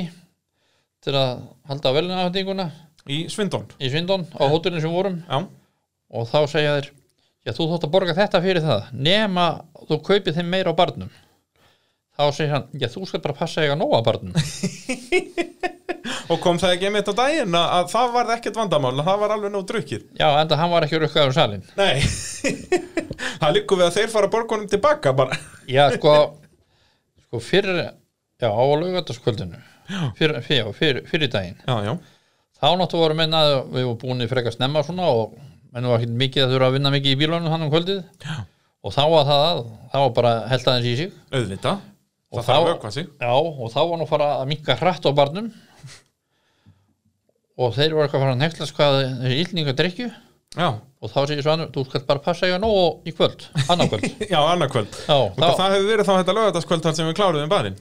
já, sko, svo kom hann að sundarskvöldið já. og þá var náttúrulega aðarfyllir í þið Já, já, og keppnum búinn og, og hægt að að fara að bleita sér vel og hótelstjóri var búin að týna áfengi öllum börum í, í kringum sig Já, alveg rétt, já, Danni sagði þetta mitt og þeir voru búin að fara bara, í, bara að rúndum allan bæinn að fá allt áfengi sem mögulega hægt var að fá Já, ég, sko, ég var einn af síðustu mennum hann úr salnum hann um nóttina já. og það var til hálfviskiflaska eftir á barnum Já, það er svo Það var eina sem til Þannig að var það var basically búið að þurrku upp bæjarfélagið þannig það var ekki bara hótelið Já, Það er svona þegar nokkur íslenskir vikingar koma í, í, í bæinn að, að þá, þá er allt klárað. Já, svo, svo náttúrulega voru menn að fara heim daginn eftir Já, já. og sumir lögðu sér ekki neitt Nei, það Þeir- er ansi strempið. þannig að menn ætlaðu bara að leggja sér í leiðinni í flugulni Já, bara í rútunni eða flugvélinni, já. Já, það er eins og menn voru komin í rútun og svo þurftu að býða eitthvað þá vaknar eitthvað, eru við komin út á flugul? Nei, við erum ekki lögur á staði en þá Þannig að það var svona misjöp stemmingin hann á leiðinni heim. Já, já, en Það það þið eru eiginlega flest allir keppendunir hann saman, eða ekki? Jú, jú, þetta, er ná- þarna voru allir bara saman og sama hótelinu Já. Það er nú ekki amalegu pakki. Nei, nei, þá náttúrulega var, var náttúrulega líjamenn eða þeirra að stjórna þessu og, og Svanur helt út um þetta og og passa að allt væri á sínum stöðum Auðvita. og þeir sem voru með honum í því Já. og síðan náttúrulega sá, sá ég þetta eða hluta á mínu liðu en sagði, hvort það væri nú ekki sniðut að bara lengja ferðin og þannig þurfum ekki að stressa okkur heim bara strax eftir kemni Já, nákvæmlega. þá þá fóru, já, ég og Gunni og við vorum hann einhver 6 eða 8 sem gerðu þetta og fórum Og þannig að þið voruð ekki alveg jafn ónýttir í flugvélinni, gáttu verið þarna nokkra dagi viðbútt og a- og aðeins að láta renna af ykkur. Já, ég veit ekki hvort það runni mikið á okkur en, en þetta við fórum hann að smá flakk og mjög gaman og Já, já, til að ekki. nota, fer, nota ferðina Ég segi það, fyrst maður er nú komin til útlanda, maður. Já, já, Ha, Já. en, en svo förum við aftur til Norðurlandana hann 2004 þá er Bubbi mitt fluttur út og, og, og komin bara fullu í keppnisalt hann já, já og, og það er svona smjörþefurinn að þessu og svo náttúrulega koma þessi svakalegu Norðurlandamót hann 2006 til 2008 þar sem er alltaf sko tvær keppnir sest alltaf tvær keppnir í einu tvær á Íslandi, tvær í já, Danmörku eða Finnlandi og svo tvær í Noregi Já, og, og þetta gekk þarna í þrjú ár þar sem voru alltaf sex keppnir í þessu Norðurlandamóti já, og þú keftir í þeim öllum já, já ég tók þátt í þeim öllum og eh, var þetta ekki, þú veist, bara horfandi tilbaka á þetta núna, mér finnst þetta algjör snilt þú veist, miklu betra heldur en þetta sem við erum með núna sem er alltaf bara ein keppni og þú veist, kannski og tvekja daga keppni en, en þetta er náttúrulega svakalega dýrt að reyna að hafa þetta svona, lá- að láta já, 20-30 bíla Já, sko, ég held að eða hvort það var svíþjóðamein hérna þá var hann er sá maður enn og hinn í dag og er að vinna henni við bílanust Eithor hann var eiginlega stjórnandi held í Svíþjóðamegin Ok, og hann lagði allt í þetta eins og hann gæti sko, og eiginlega okay. meir en það það er okkur vantar svoleiðis, svoleiðis fólk en það ekki Jó, jó, en það veist, hann bara uh, hann stóðst mjög vel og veist eins og hann lagði allt í þetta og eins og hann gæti og meira til og, Gekja og þannig var hann sem þetta fór almíl á stað og af því þá fór hann að íta við svíjónum og eitthvað og Já, já, síðan það vaði þetta utan á sig og síðan það komið finnanir inn og og Danirnir meira sem við fórum til Danmerkur þarna Já. alveg í, var það ekki tvö ára jó, fórum tvö ár Og hvernig fannst þér þetta mót? Þú veist þetta, þetta já, turneringi eða þannig, þetta var náttúrulega þarna, já, sex keppnir í Norrlandamótinu. það var rosalega gaman og hérna ég er bara með svegt upp hvað finnanir einhvern veginn náðu ekki almíl að koma sér á stað Nei, þetta var hvað, við fórum hvað, tvisvar til Finnlands, eða einu sinni bara. við fórum tvísvar Tvisvar til Finnlands, já. Það er rétt, þetta svona, þeir voru konum með nokkra bíla, en þetta náði einhvern veginn aldrei almennilega að festa sín sessi, sem Nei. er synd, sko, þetta finnar eru mikil motorsport þjóð. já, þess vegna held ég þetta myndi nú ná sko, ef við myndum náðum á stað þá myndi þetta blómstra svolítið Ég segi það, myndi ná að hanga, en, en eins og ég sambannaði þarna, það er leiðilegt að þeir hafa ekki náð, eh, að, já, að halda þessu við. en það náttúrulega voru oft skemmtilega ferðir í þessum Jú, er það ekki? Það er, Jó. er nú yfirleitt þannig þegar maður ferðast með góðu fólki. þetta er hérna sérstaklega eins og í Danmörku það er munar nú ekki miklu að kemur bara einn bíl sko Nú það er svo leiðis, segðu mig sögu. þá fóru þannig út og ég var á rútunni Já. og ég náttúrulega kem þannig bara með mína rútu og með mitt síðan koma tveir gámar að heiman Já. og svo kemur einn hann einn að sem er í kringum þetta kefnishaldinu og hérna spyr hvort að við vitum númur á gámónum og ég segi og ég mun að ítti við strákum að taka myndir af gámónum áður og lokuðu þeim Akkurat, akkurat. og þá þá fekk hann númerinn svo segir hann sko það bílaði tölvukerfið hann að ég váta hann að það er ekki þetta los á skipinu Ákveðin skellur. já, en við þorðum með ekki að segja öllum það Nei, ákveðan hann tala ekkit ómikið um það nei, nei, bara ekki búið til panik. Nei. þannig að þessi bílstjóri sem var að ná í þetta hann bara hætti ekki fyrir að þeir fóru og leituðu að númurum í, gám- í skipinu og þá var bara hýft ofan í og út úr með þetta svo að hann sagði að það var notað þetta í fyrramálið Já, Já, Já, hann búin að og þetta náttúrulega var komið pappir sem við máttum bara ná í þá já, já. og hann- hann hætti ekki finna fjekka á hana Nei, nei, og ég sem betur fer að þá, þá gekk það. Já, já, enda voru margir hissa þegar fréttu hvernig þetta endaði Já, ég ekki trúa því. Allt farið í steik, en það kom allavega á torfæri bílar hérna og, og réttir gámar fundust. já, já, þetta var hefði gaman og svo síðan náttúrulega var það þegar þetta var búið að þá einna var það að menn voru búin að taka sér hjólís og leigu voru bara með þann í grefjónum Já, já, bara gekkja. og svo var það að hérna hann var einu ákveði mannekja sem er, held ég ennþá í fílu að fekk ekki að vera með sko, Nú, um kvöldi sko viss bara, hvað- ætlar að nafngreina þá mannesku? hún hétti Helga Nú, já, hún var svo kaða sóleitt, hún fekk ekki að vera hann í nóttina já, viss bara, þetta er hrikalegt. já, Hæ? en sérstaklega þegar hann frétti hvað skeiði um nóttina sko. Já, var líf og fjör já, menn þú veit að fara nýjundu brautina Já, auðvitað, að vera að klára alla bröndir já, já, já, Síðasta bröndin er mikilvægast já, já.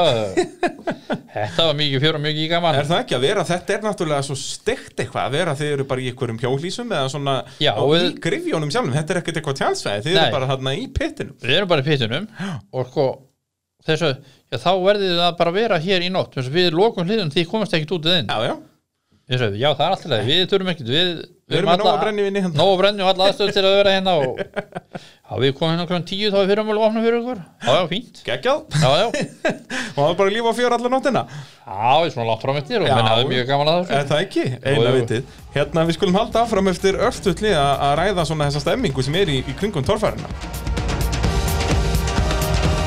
Jú, þið eruð að hlusta á mótorvarpið eh, og eh, já, mótorvarpið að sjálfsög í bóði yðnvjala og viljum inn á sumartilbóðin sem eh, já, gilda út ágúst inn á yðnvjalar.is Þar er ég ef þið eruð já, í miklum framkvæmdum að þá eru þarna já, brettatjakkar, bílaliftur, legupressur og allur pakkin en svo náttúrulega líka bara já, beta toppliklasett og holsmann borvjalar og, og já, allt milli heiminn svo er þar ef ykkur vantar verkværi þá kikið í yðnvjalar uh, Ég er með Sigur Þór Jónsson hérna með mér Og við, eh, ég erum búin að fara svolítið, já vel yfir torfæru fyrirlin hjá þér og þá kannski núna komið tími svona til að, að tala um hvað þú, þú gerðir eftir ferilinn, þannig að þú náttúrulega leggur skona á hilluna 2009 og já, síðan þá hefur til dæmis hjálpað með að smíða einn, já, allavega neitt torfari bíl ef ekki fleiri, það er hérna Heklan hjá, hjá Hauki Viðari, Við byrjum á bílinu að spuppa það er rétt já, þú náttúrulega smíðar hann líka, eða Já. ert í, ert í því teimi, það er, það er Katlan Já, við, við hönnum honum við bræður ég og Guðni já, já, á þeim tímum og, og þá var mikið rífist um fjörunarkerfi já, og þá endaði með því að að ég fekk að lá- ráða held í fjörun og framan og hann á aftan Jó, já, ég vildi að þið hafa náðu það að splitta þessu þannig já, hann vildi hafa aling já, en ekki við nei, og ég sagði, bílinn var allt og laus og leiðilegur upp og þú ætti að fara í hliðar allar ferð og annað og þetta væri valtar og annað og alveg harður á því að við náttúrulega vorum alltaf bara með vendil útfæslu eins og við köllum þetta já, og svo líða bara árin og og svo enda með að ég fæði keira hennar blessa það fræga bíl hérna Jú, hvað 2015 er það ekki? Já, 16 en, en það er nú bara sko það er það leiðilega við það sko að sá bíl hefur náttúrulega sko alltaf verið bölvað vila við þessi ná Já, það er alveg hrikalett þannig að það er náttúrulega er bara hálfgjött svona klúður frá þeim að utan alveg frá uppafi Já. og þannig að hefur eiginlega aldrei, aldrei náðust almennlega í lag Nei, í raunin hann var eiginlega síðast bara í almennu lægi bara 2014 eða eitthvað Já, sko ég mann ekki hvað áraðin sem ég tek þannig eina keppni í ég, Grindavík held- ég held að það sé 15, hann í stabafellinni mitt Já, og þá hérna þá var hann eiginlega bara sexíldra þegar við ykkur þau vorum byrjar að Já, það keira er svoleiðis En þú náður samt ekki þriðasættið eða eitthvað eða fjórða, það Nei, voru svo svakalega afföll Ég sko, ég er hann átt að vera öðru en endaði þriðja, sanga því og ég var ekkert þá var það sko va, hérna valdi hérna suðnisjum Já, já, þá var hann raunum sko að slátt hann um annað, annað þriðasættið við mig akkurant og ég var ekkert að setja út af því ég var nú bara að leika mér hann Jú, jú, en þá fór Bubbi eitthvað að gera grína því að þú kyrði þetta nú bara rólutum á sexhildra bílum bara og þeir þurfti að hafa mikið fyrir elda þig já, þú vannst allan að sexínlendarflokkin já, já, ég vann hann sko uh, Svo náttúrulega, hann hjálpar við smíðin á heklunni líka já, já, fyrir haug og hvernig var það? Var bara pantaður bíl, bara heyrðu eh, besti bílinn er þarna Þór, ég ætla bara að fá nákvæmlega eins já, hann mátti lengur breyta það bara Nei. því að hann sá að sko, sábíl virkaði Já, já, þá vill ég fá eins bíl sem virkar akkurant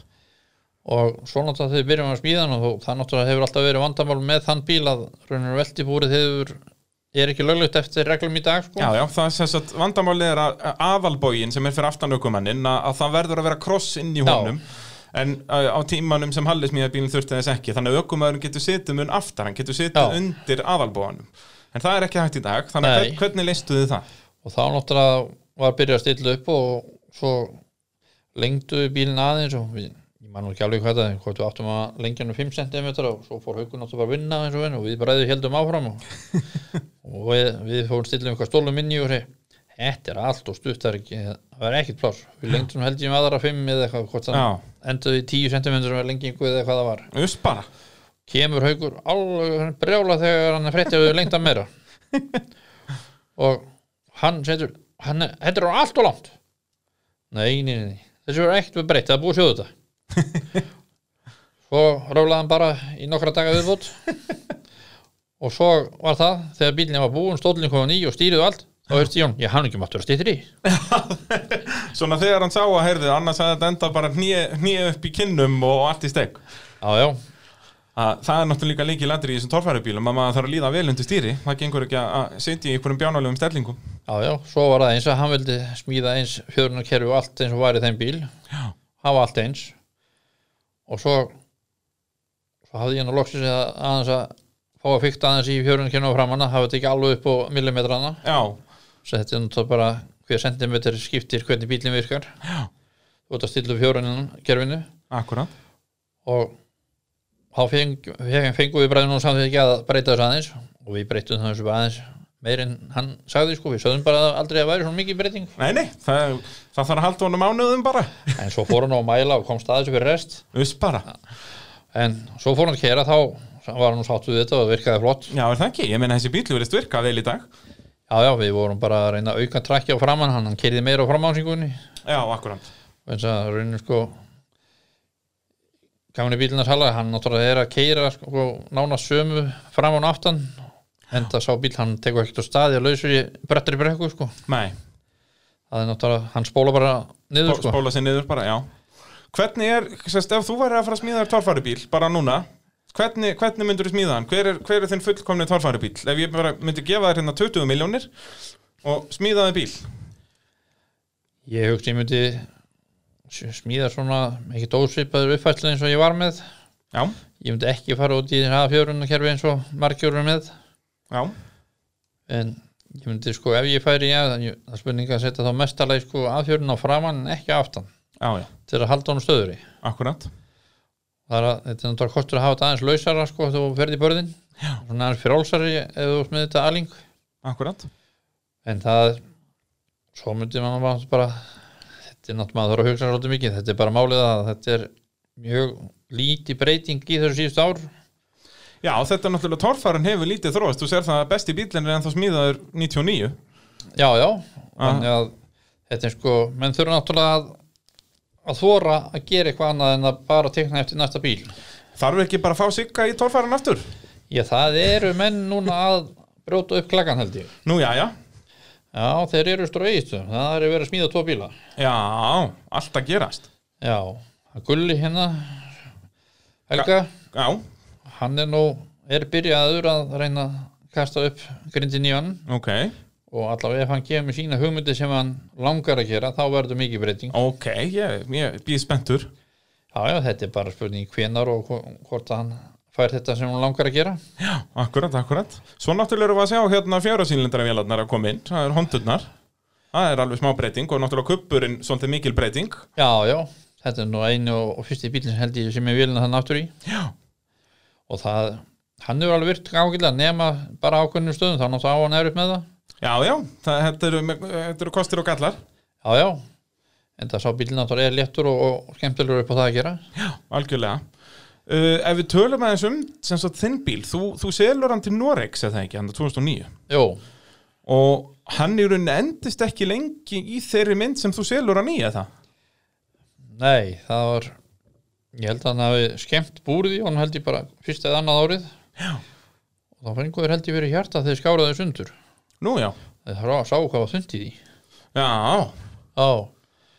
og þannig að það náttúrulega var allar stífur sem voru í bílnum sem voru ekki sko skildugar Já. þær voru pústururum beina stífur sem voru bara styrkingar já, já, akkurat. og þannig að þeir, það var sko ég held í dag sko, Mári, ég sel hann af því að grindin eða verða ónýtt í hún Já, já, og maður byrjuði að bókna og aðeins að gefa sér hann í miðjuna en það er enn, eina sem er ennþá eftir í bílunum það er grindin og afturhóringin já þeir, þeir skiptu um allt annað nema svona það sem var á síðasta spreddinum. já, Þannig að það er ekki, það er ekki mikið varið innan bíl í dag Nei, hann kom keppnum á eigistum hvaði fyrir að þetta vera Er það ekki? Jú. Tröll, það er nú, maður þekkir hann nú ekki, er hann ekki hann að blár? Jú, það, það er bara lítið eftir á hann sko. Já, en eins og ég sko það er bara, sá sem kaupir hann það voru held ég bara strákan í kringum hann sem voru ítafið hann að kaupa hann já, en hann var aldrei neitt nögumæður sem að keira sá sem keipt hann en Nei. svo tók hann einhver tíma sem einn að öðru servicemennum fór að keira þá fór hann að smíða svo bíl hann veturinn eftir já, svoleiðis, já, ég mitt, já, þeir urðu hann að tveir í, og þeir voru alltaf troll racing eða ekki, þeir heldur nafninu Jú, Hvað finnst þeir um þa- þessa pólitík í torfærinni? Ég hef nú spurt flest alla sem ég hef talað við um torfærinna með þe- þetta, þetta nafnadæmi, eiga, eiga bílar alltaf að halda nöfnunum eða eiga nöfnin að fylgja ökumönnum? það er náttúrulega allur gangur á hann spurði nú bara sérstaklega eftir þessu þegar hann var að kaupa bílinn hvort hann Já, fengi, ekki, hvort hann nafn, fengi hvort, hvort nafnið. hann fengi ekki nafni með Já, það er svoleiðis og, og er það kannski ekki líka oft uh, þannig, sko, ég man eins og hérna Gunnar Pálmi og, og Jón Vilberg að þeir spurðu hvort þeir getur fengið Lightfoot nafni þegar þeir kaupa bílina a- frá Nóri, Já, það er náttúrulega, þá eru bílinn náttúrulega þekktur undir þeim nafni og þá vita þér hvað bíl þetta er akkurat og eins og við sjáum með Thunderbolt í, í dag til dæmis hann heitir ennþá Thunderbolt Já, já, já þannig að ég er á því að að bílar eiga að halda sínum nöfnum Já, já, það er svo sem ekkert að því og þá náttúrulega fattar menn hvaða bíl þetta er menn Nákvæmlega. mennur náttúrulega að breyta útlitin á þessu og alls konar og þannig það er þannig þetta hann tökum bara dæmi svo bílinn hans atla hann og svo veist maður, maður, einhver maður sem kemur og horfir á hann þe- sér eng, engan mun sko þetta sé ykkur, mennum halda bara sér nýr bíl Já, ég segi það, komin einhver bleiku bíl handa Já, já, veist það er náttúrulega ekki þetta veist, einhver maður sem er ekki mikið og þekkir ekki alltaf þá bara, veist, hvað er komið nýr bíl nákvæmlega, nákvæmlega. Uh, við töluðum um að, að bílarnir hafa nú ekki sérstaklega þróast núna síðastliðin ár, kannski svona orðnir aðeins meira bara já, áraðanlegri, þeir, þeir bíl ekki jafn mikið, komið svona dýrara stöff í þá. Já, svo eru menn að reyna að fara kannski áttir en komnir í eitthvað svolítið út í þetta turbinudót sko. Já, já, og já, nú hefði þetta gaman hérna, henni ég gerði nú bara ganni mín, bara til aðeins að djöflast í þessu turbinumönnum að ég held að sé ekki að vera þrjú, fjögur ár síðan sem við lagði, þá ég fengið til að leggja brautur upp á skaga ég lagði þær alla með engu tilöpi já, varst bara til að vera leðulegur við turbínubílar. já, ég var bara svona aðeins að stríða með þess að því Bubbi var bara að reyna að heila þú með að turbinu væri svo góðar Já, og ég, se- ég hef alltaf verið á mótið og verið ennþá já, já, og enda er núna enda það var það að það voru fáir turbinbílar sem voru á efri hlutanum þar Já. og núna eru menn að því að ég hef alltaf sagt turbinunar þær virka flott á bílina þar sem eru sko langt til upp í brautir þannig að bíli sem konar góða snúning þegar hann er að koma í brekkuna eins og í Noregi það er svo langt og stort svæði já, já, þú hefur alltaf nægan tíma til að byggja praða. Já, svo eins og núna, nú eru menn að aukvitað að það sé betra að hafa bláugútin með Já. Ah, til þess að hendur hann upp á snúningin og þá fer turbinu að virka Ég, við segjum það með Ingolf núna í, í ár, hann leiðir nú Íslandsumótið með skúla og, og hann er mitt komið með nýtró og turbo Já, nýtró til að sparka honum upp og þú veist Magnús á kupnum gerði þetta oft út og það var hann náttúrulega ennþá yktara bara með 2,4 lítra vél og reisastóra turbínu það hafa nýtróið í raun ekki sem aflgjafa þannig síðan, þetta er bara til að sparka honum upp á snúning Já, já, það er sam og yngolur að gera sko, það er bara rétt bara að gefa hann smá skot Akkurat, og síðan kemur tekur turbínu við og það er í raun aflgjafinn þó að nýtróið er vissulega auka aflgjafi en þetta er aðalega hugsað eins og þú segir til að sparka honum upp Já, já, til þess að túrbínan komast upp á vin- vinslusviðið já. og þá náttúrulega hafa þeir miklu meira að ráða við það og gera og þá náttúrulega er einfaldra að fara í stuttabrekkur Já, Akkurat, akkurat, eins og við sáum bara í Hungólu á Egilstöðum þegar hann var bara í algjörum sérflokki já, enda hann kerði rosa flott þar og ég vona hann haldið því bara áfram og Já, já, hvernig, ef við, fyr, við erum nú farin að tala um Íslandsmóti, ef við segjum, maður veit náttúrulega ekkert hvað var margar keppnir eftir, en, en segjum að verði kannski 23 keppnir, hver, hver tekur titilinn? Þeir eru núna jafnir, Skúli og Ingo og, og Haukur þarna á eftir. Já ég sko sko ef bílinn hangi saman í skúla Já, þetta er náttúrulega magna, hann leiðir Íslandsmóti og bílinn er búin að vera bilaður í öllum keppnum. sko, ég sá bara þetta eins og það var upp á Skaga held ég verið í fyrra sko, hann var hér komin sko braut og undan þeim þegar bílinn bílar Jep. og sko, ef það var ekki bílað þá var hann svo gjössan stungið af Já. og ég er búin að sjá það að þessi skipti sem bílinn er laði hjá honum þá er hann komin alltaf langt og undan þeim Já, hann er bara, og hann er líka svo ótrúlega góður að kæra, hann er svo yfirvegaður. Já, en svona þá veltur þetta líka svolítið á í hvaða rásröðu og lendir Já, já, það er alltaf það að happa og glappa. ef þú ert heppin í, í rásröð og svona þá veltur svolítið hveri fyrir fram að þig og eða hveri fyrir aftan þig Mhm. til þannig sko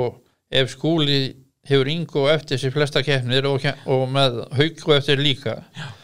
þá er náttúrulega erfiðara fyrir að þá náttúrulega sjáðu hvernig hann keirir og þá koma þeir, þá er best ég keiri bara eins Já, þetta er nefnilega líka svona spurning sem við spyrum oft torfarjökum en að semst, fannst þér þetta þægilega þegar, þú- þegar þú varst að keppa að sjá keppandan fara fyrst eða vildir þú leggja línurnar? Já sko það var nú margir hissa ég fór stundum aðra leiðir en aðrir Já, þú nefnilega var svolítið þekktu fyrir það að ofan að það að vera svona litrikur keppandi að þá svona stundum, heyrðu, á, ákvast að fara þú veist, klippa eitthvað barð sem engin annar gerði og, og svoleiðis. Já, já, það er bara maður horfir hvernig barðið er og, og það er náttúrulega bara, þú veist, bara að láta vaða og reyna að láta hann fljúga þannig Auðvitað. Þetta er svona álíka með barðið á Akureyri þannig að þessi grasbarðið er uppi Já, já, klassíska lokabarðið þannig. Já, sem Bubbi var einn sem fór upp hann einhvern veginn hitti fyrir það eða hvað það var Já, nú komið var það ekki 2000 og... Hvað, 16, 17? Það var ekki svoleið sko Málið það, að þá var ég með honum og búin að labba með honum brautarskoðun Já Og hann horfði ekkert á þetta þess að hann hann ætlaði ekkert í þetta Nei, leist ekki þetta á þetta. Nei, Já, býtu, er þetta ekki þegar hann verður hérna uh, bleikur setni daginn bílind? nei Nei, þetta er ekki- er þetta hann ég að blár held- og ég- bleikur? Jú, það getur vel verið Þetta er allavega, Allavega, þetta er allavega einu fákenn sem hann náði að keira Nei, þetta er að held ég árið undan Já. Og ég held að hann hefði verið í Já, jú, það voru keirt hann tvo dag Já, er það ekki, ég held Jú. að þetta sé þessi keppni Já. að hann sem sagt það brotnaði eitthvað yfirbyggingin og hann mætti setni daginn með hann hérna allan uh, Já. uh, hálf bleikan Ég held þetta 2015 held ég Allavega var það að þeir voru búin að keira þetta hana og þeir keira allir sko hægra megin í þetta Já. og ég sagði við hann strax þú ert að fara á vinstara megin, það er eina leiðin til að komast upp sig á á sér hann já, þeir eru nonni búin kom og, og Óli Bræði og þeir sé allir að fara hinum megin mér er alveg saman hvað þeir séu eða þú ætlar að fara upp þá skal þú fara þarna megin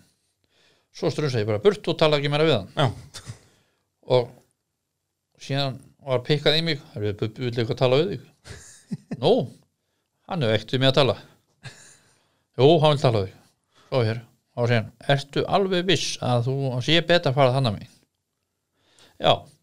það er bara leið og er komin búin ástæfni þá skal bara standa á bensinkjöðin í botni þangar til úr komin upp já Ekki orðum þá meir Nei, þá segir hann, þá hörðu að prófuðu það hann gerir það, hörðu upp svo árið síðar komum við aftur þannig já, og þá sér hann það þessa brekku fór ég upp þannig ef ég sé þetta var ég aldrei farið upp Það er stundum er bara betra að vita ekkert Bara standa drastlið í botni já, já, þetta er bara þetta er stundum sko, menn gera verða sko, halda þetta sé brattar og erfiðara já. svona tóra eins og ykkur segir, þú ert aldrei að horfa þetta ofanfrá Það er reyndar, ég, ég er algjörlega sammála því Ég er nú byrjaður að færa svolítið í breytaskoðun með þessum köllum og guð minn almatur Þetta er alveg, já, eins og sérstaklega þú segir ef Þú stendur ofan að barðinu og horfið niður Það er ekki góð hugmynd Já, sko, þegar þú ert uppi og þú sérð ekki niður þegar, sko, barðið þið komið fram fyrir brekkuna, sko. Já. Þá ertu raunin, sko, Það var komin, komin sko, sko, í... yfir 90 gráðan Já, þú ert að vera komin hundra gráðunar og menn eru samt að fara upp, sko. Já, já, það er, það er nákvæmlega svona, það er hraðinn að leifa fyrirnagjörun að vinna og, og ef, að, ef að stefna bílsins er að það miklum hraða ekki í 90 gráðum að þá ætti hann að enda bara, uppi bara ef hann næra að fara nógu langt upp í loftið og þá næra hann að koma sér inn í. Það segir Newton allavega, ekki fyrir hann að ljúa Nei, hann hefur ekki gert e það ennþá. ekki hinga til, við, Nei. við sjáum til Já, já, uh, Þú keftir í öll þessi ár í torfærunni og þá er, já bara einföld spurning sem já, oft er erfitt að svara af hverju, Hva, hvað er svona skemmtilegt við þetta? þetta er náttúrulega bara líka á þessu tími og bara félagskapurinn og annað og sem var í kringum þetta og hafði maður alltaf nóg að gera og Já, já, það- ekki gera ekki neitt Já, já Þannig að þetta eins og ég sko það er líka því ég var það heppin að ég var nú mikið með sömu munna með mér eða megnin minn tíð þrátt fyrir að þetta var nú ansi löng tíð Já, ég, það var náttúrulega voru hann eitthvað skipti sko sömu náttúrulega nefntur sér ekki lengur og annað og, og þá komum aðeir inn í staðin og Já, já, þetta er bara bara svona, svona kjarnin var svona sami í flestu öll árin Já, já, og náttúrulega öll þessi ferðalög og allt þetta við tölum nú aðeins um það hérna áðan að þetta náttúrulega lítur af alveg ekki svona þessi hvað hvað er þetta, svona rútu stemming að allir að vera að ferðast þarna í, í, í litlum kassa eða mörgum, eða nokkrum bílum og, og að, að vera á tjálsæðisfyllir í um nema bara inn í pitt jú, jú það var náttúrulega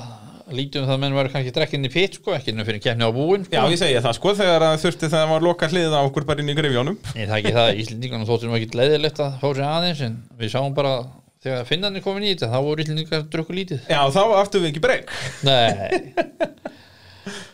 Ætli að það er ekki ástæði fyrir þeim, þeim tókst ekkert að hangi í þessu finnunum að, að þeir voru bara blekaðar allan tíman já, þetta er náttúrulega eins og Íslendingarna voru rótnir rosalega vinsalir af því að í Noreg þegar við voru að koma á þessar keppnir þá voru Íslendingarna búin að uppgöta það að það er rosalega gott að kaupa bara svona eina til tvær stóra flösku sko ópaliða tópas Já, guð mér almatur Það, Það er nú ljóta, ljóti viðbjóðurinn þegar normenn fóru að sækjast eftir að fá að smakka Já, þetta, er það ekki, að komast í ópælinn Jú, jú, svo voru við að fara sko til þess og voru kannski bjóða þeim að borða sko, veist, að bara tekið kannski 20 með lambalæri með sér út og, og svo bara grafin skurður og sett kól og grillað Já, og grilla bara, ekki málið þetta var bara hátegismatunni þannig þegar pá- pásan kom í hátegi Já, búið að grafa eitt skurðin í pitt og skella smá grilli yfir það og, og, og 20 læra á grillið Já, já, þeim, Getur le ekki klinkað þeim leittist þetta ekki Nei, ég get trúan því Já, Við fengum okkur oft ívillit borga tilbaka þegar þegar við varum að koma og gera eitthvað er það ekki Jú, jú, þeir náttúrulega gera þau líka fyrir okkur og annað og Bara dásamlega tímar Já, eins og talningum sko eins og þegar ég stóð út af bílnum hann 2009 að núti sko Já. og þá var einn kemni eftir og þannig að fór velti búr alveg í klessu Já, og þá var það að við vorum byrjað að reyna að rétta grinn með gröfunni þannig og eitthvað og gera eitthvað og, og þá keppni þetta halva mánuð og, og þá kemur hann gamli sem var alltaf með hann varni hann kemur og spyr vil, ég heldur að þessi ekki tí- vil ég ekki fá aðeins betri aðstöðu að laga bílinn Ég sagði, Jú, við varum nú, gætum nála tekið og ég þakta kannski fá að geima það þá líka við þurfum að skrepa heim og koma svo Já, já, já ekki málið ekki málið svo þegar þetta var búið þá komum normennum margi hvað gerður við kallin, hver, akkur fyrst þú að koma til hans, það fær enginn að vera þannig Nú, Nei. varst þú svona sérstakur? Já, hann greinir að hafði mjög gaman að Já. fylgjast með okkur og við vorum svo sem búin að hjálpa þeim líka og Já, eitthvað ég og- segi það, það er hérna hann blessast þetta allt Já, já, þú veist, þetta er náttúrulega bara maður sem var með góð aðstöð og bjóð bara einn, einn sjálfur sko, Já, já. og bjóð hann bara út í sveit Gekkjað Já, já, já, það var, það vantaði ekkert af það, það vantaði eitthvað, þá var hann alltaf mættur að hjálpa okkur og Já. um byggðum eitthvað Það er bara, og svo náttúrulega vorum við eins með, með okkur eins og vorum að tala um að, að það hjálpuðust allir að þarna og þannig er það nú bara í torfælinni Já, það er náttúrulega eins og einhvern árum hann áður sko, þegar brotnaði hérna báður axlana hjá Arni Já. og hann náttúrulega held að kefni var búinn hann fór bara að horfa á hérna þá fóru við og hóaði mig og ég held að verið Gunni og hvað það var Steini Bjarnar líka og einhverju fleiri Já. við vorum bara þannig sem áhorundu þá sko Já, já, og hérna við fórum að rukum og rífum þetta úr meðan að hann er bara upp í áhörendabrekku Já, og við segjum við þann gamla farðu bara náði hann, þetta eru tilbúið það, og það er ekki komið á hann með þá og hann kom bara ha, eru þið búnir? Fyrir það er bara tíu mínútur sem ég kom í bílinn og hann held að þetta var allt búið og var bara farin upp í áhörendabrekku Já, já, Svo skyndilega er hann að mæta í næstu braut bara og hefur nagan tíma já, já Þetta er náttúrulega gekkja ég það bara sko á þessum tímum þá var bara eitthvað bílaði hjá þessum normann og svíum þá var, bara, þá var það búið Já, það er svoleiðis, það er bara gáðast upp strax Já, þeir voru ekki að reyna að gera við þetta Nei, nei Það er, en það er kannski Íslendingarnir, við, við okkur tókst að kenna þeim það, þetta er nú ekki, það er ekki öll, öll, já, þetta er ekki allt búið. Nei, nei, enda þeir svona eftir þetta fóruð inn og svona aðeins að vinni í því að vera með varlut og með þetta svona og, Já, það er þess að rífa sig upp. og leggja meir vinni í þetta Það er svolítið svo leiðis. Uh, já, Siggi, erum við ekki búin að kofera þetta nokkuð vel hérna? Ég held að rúmlega það held ég Og rúmlega það. Já, já, Ég vil bara þakka að kella fyrir spjallið takk að verið og þetta var að sjálfsögðu allt saman í bóði AB Varahluta, Bíla.sins og Yðnvjalla hér í Nóa Sirius stúdíói podcastaðvarinnar og uh, já, hlustendur góðir, þanga til næst, bless bless.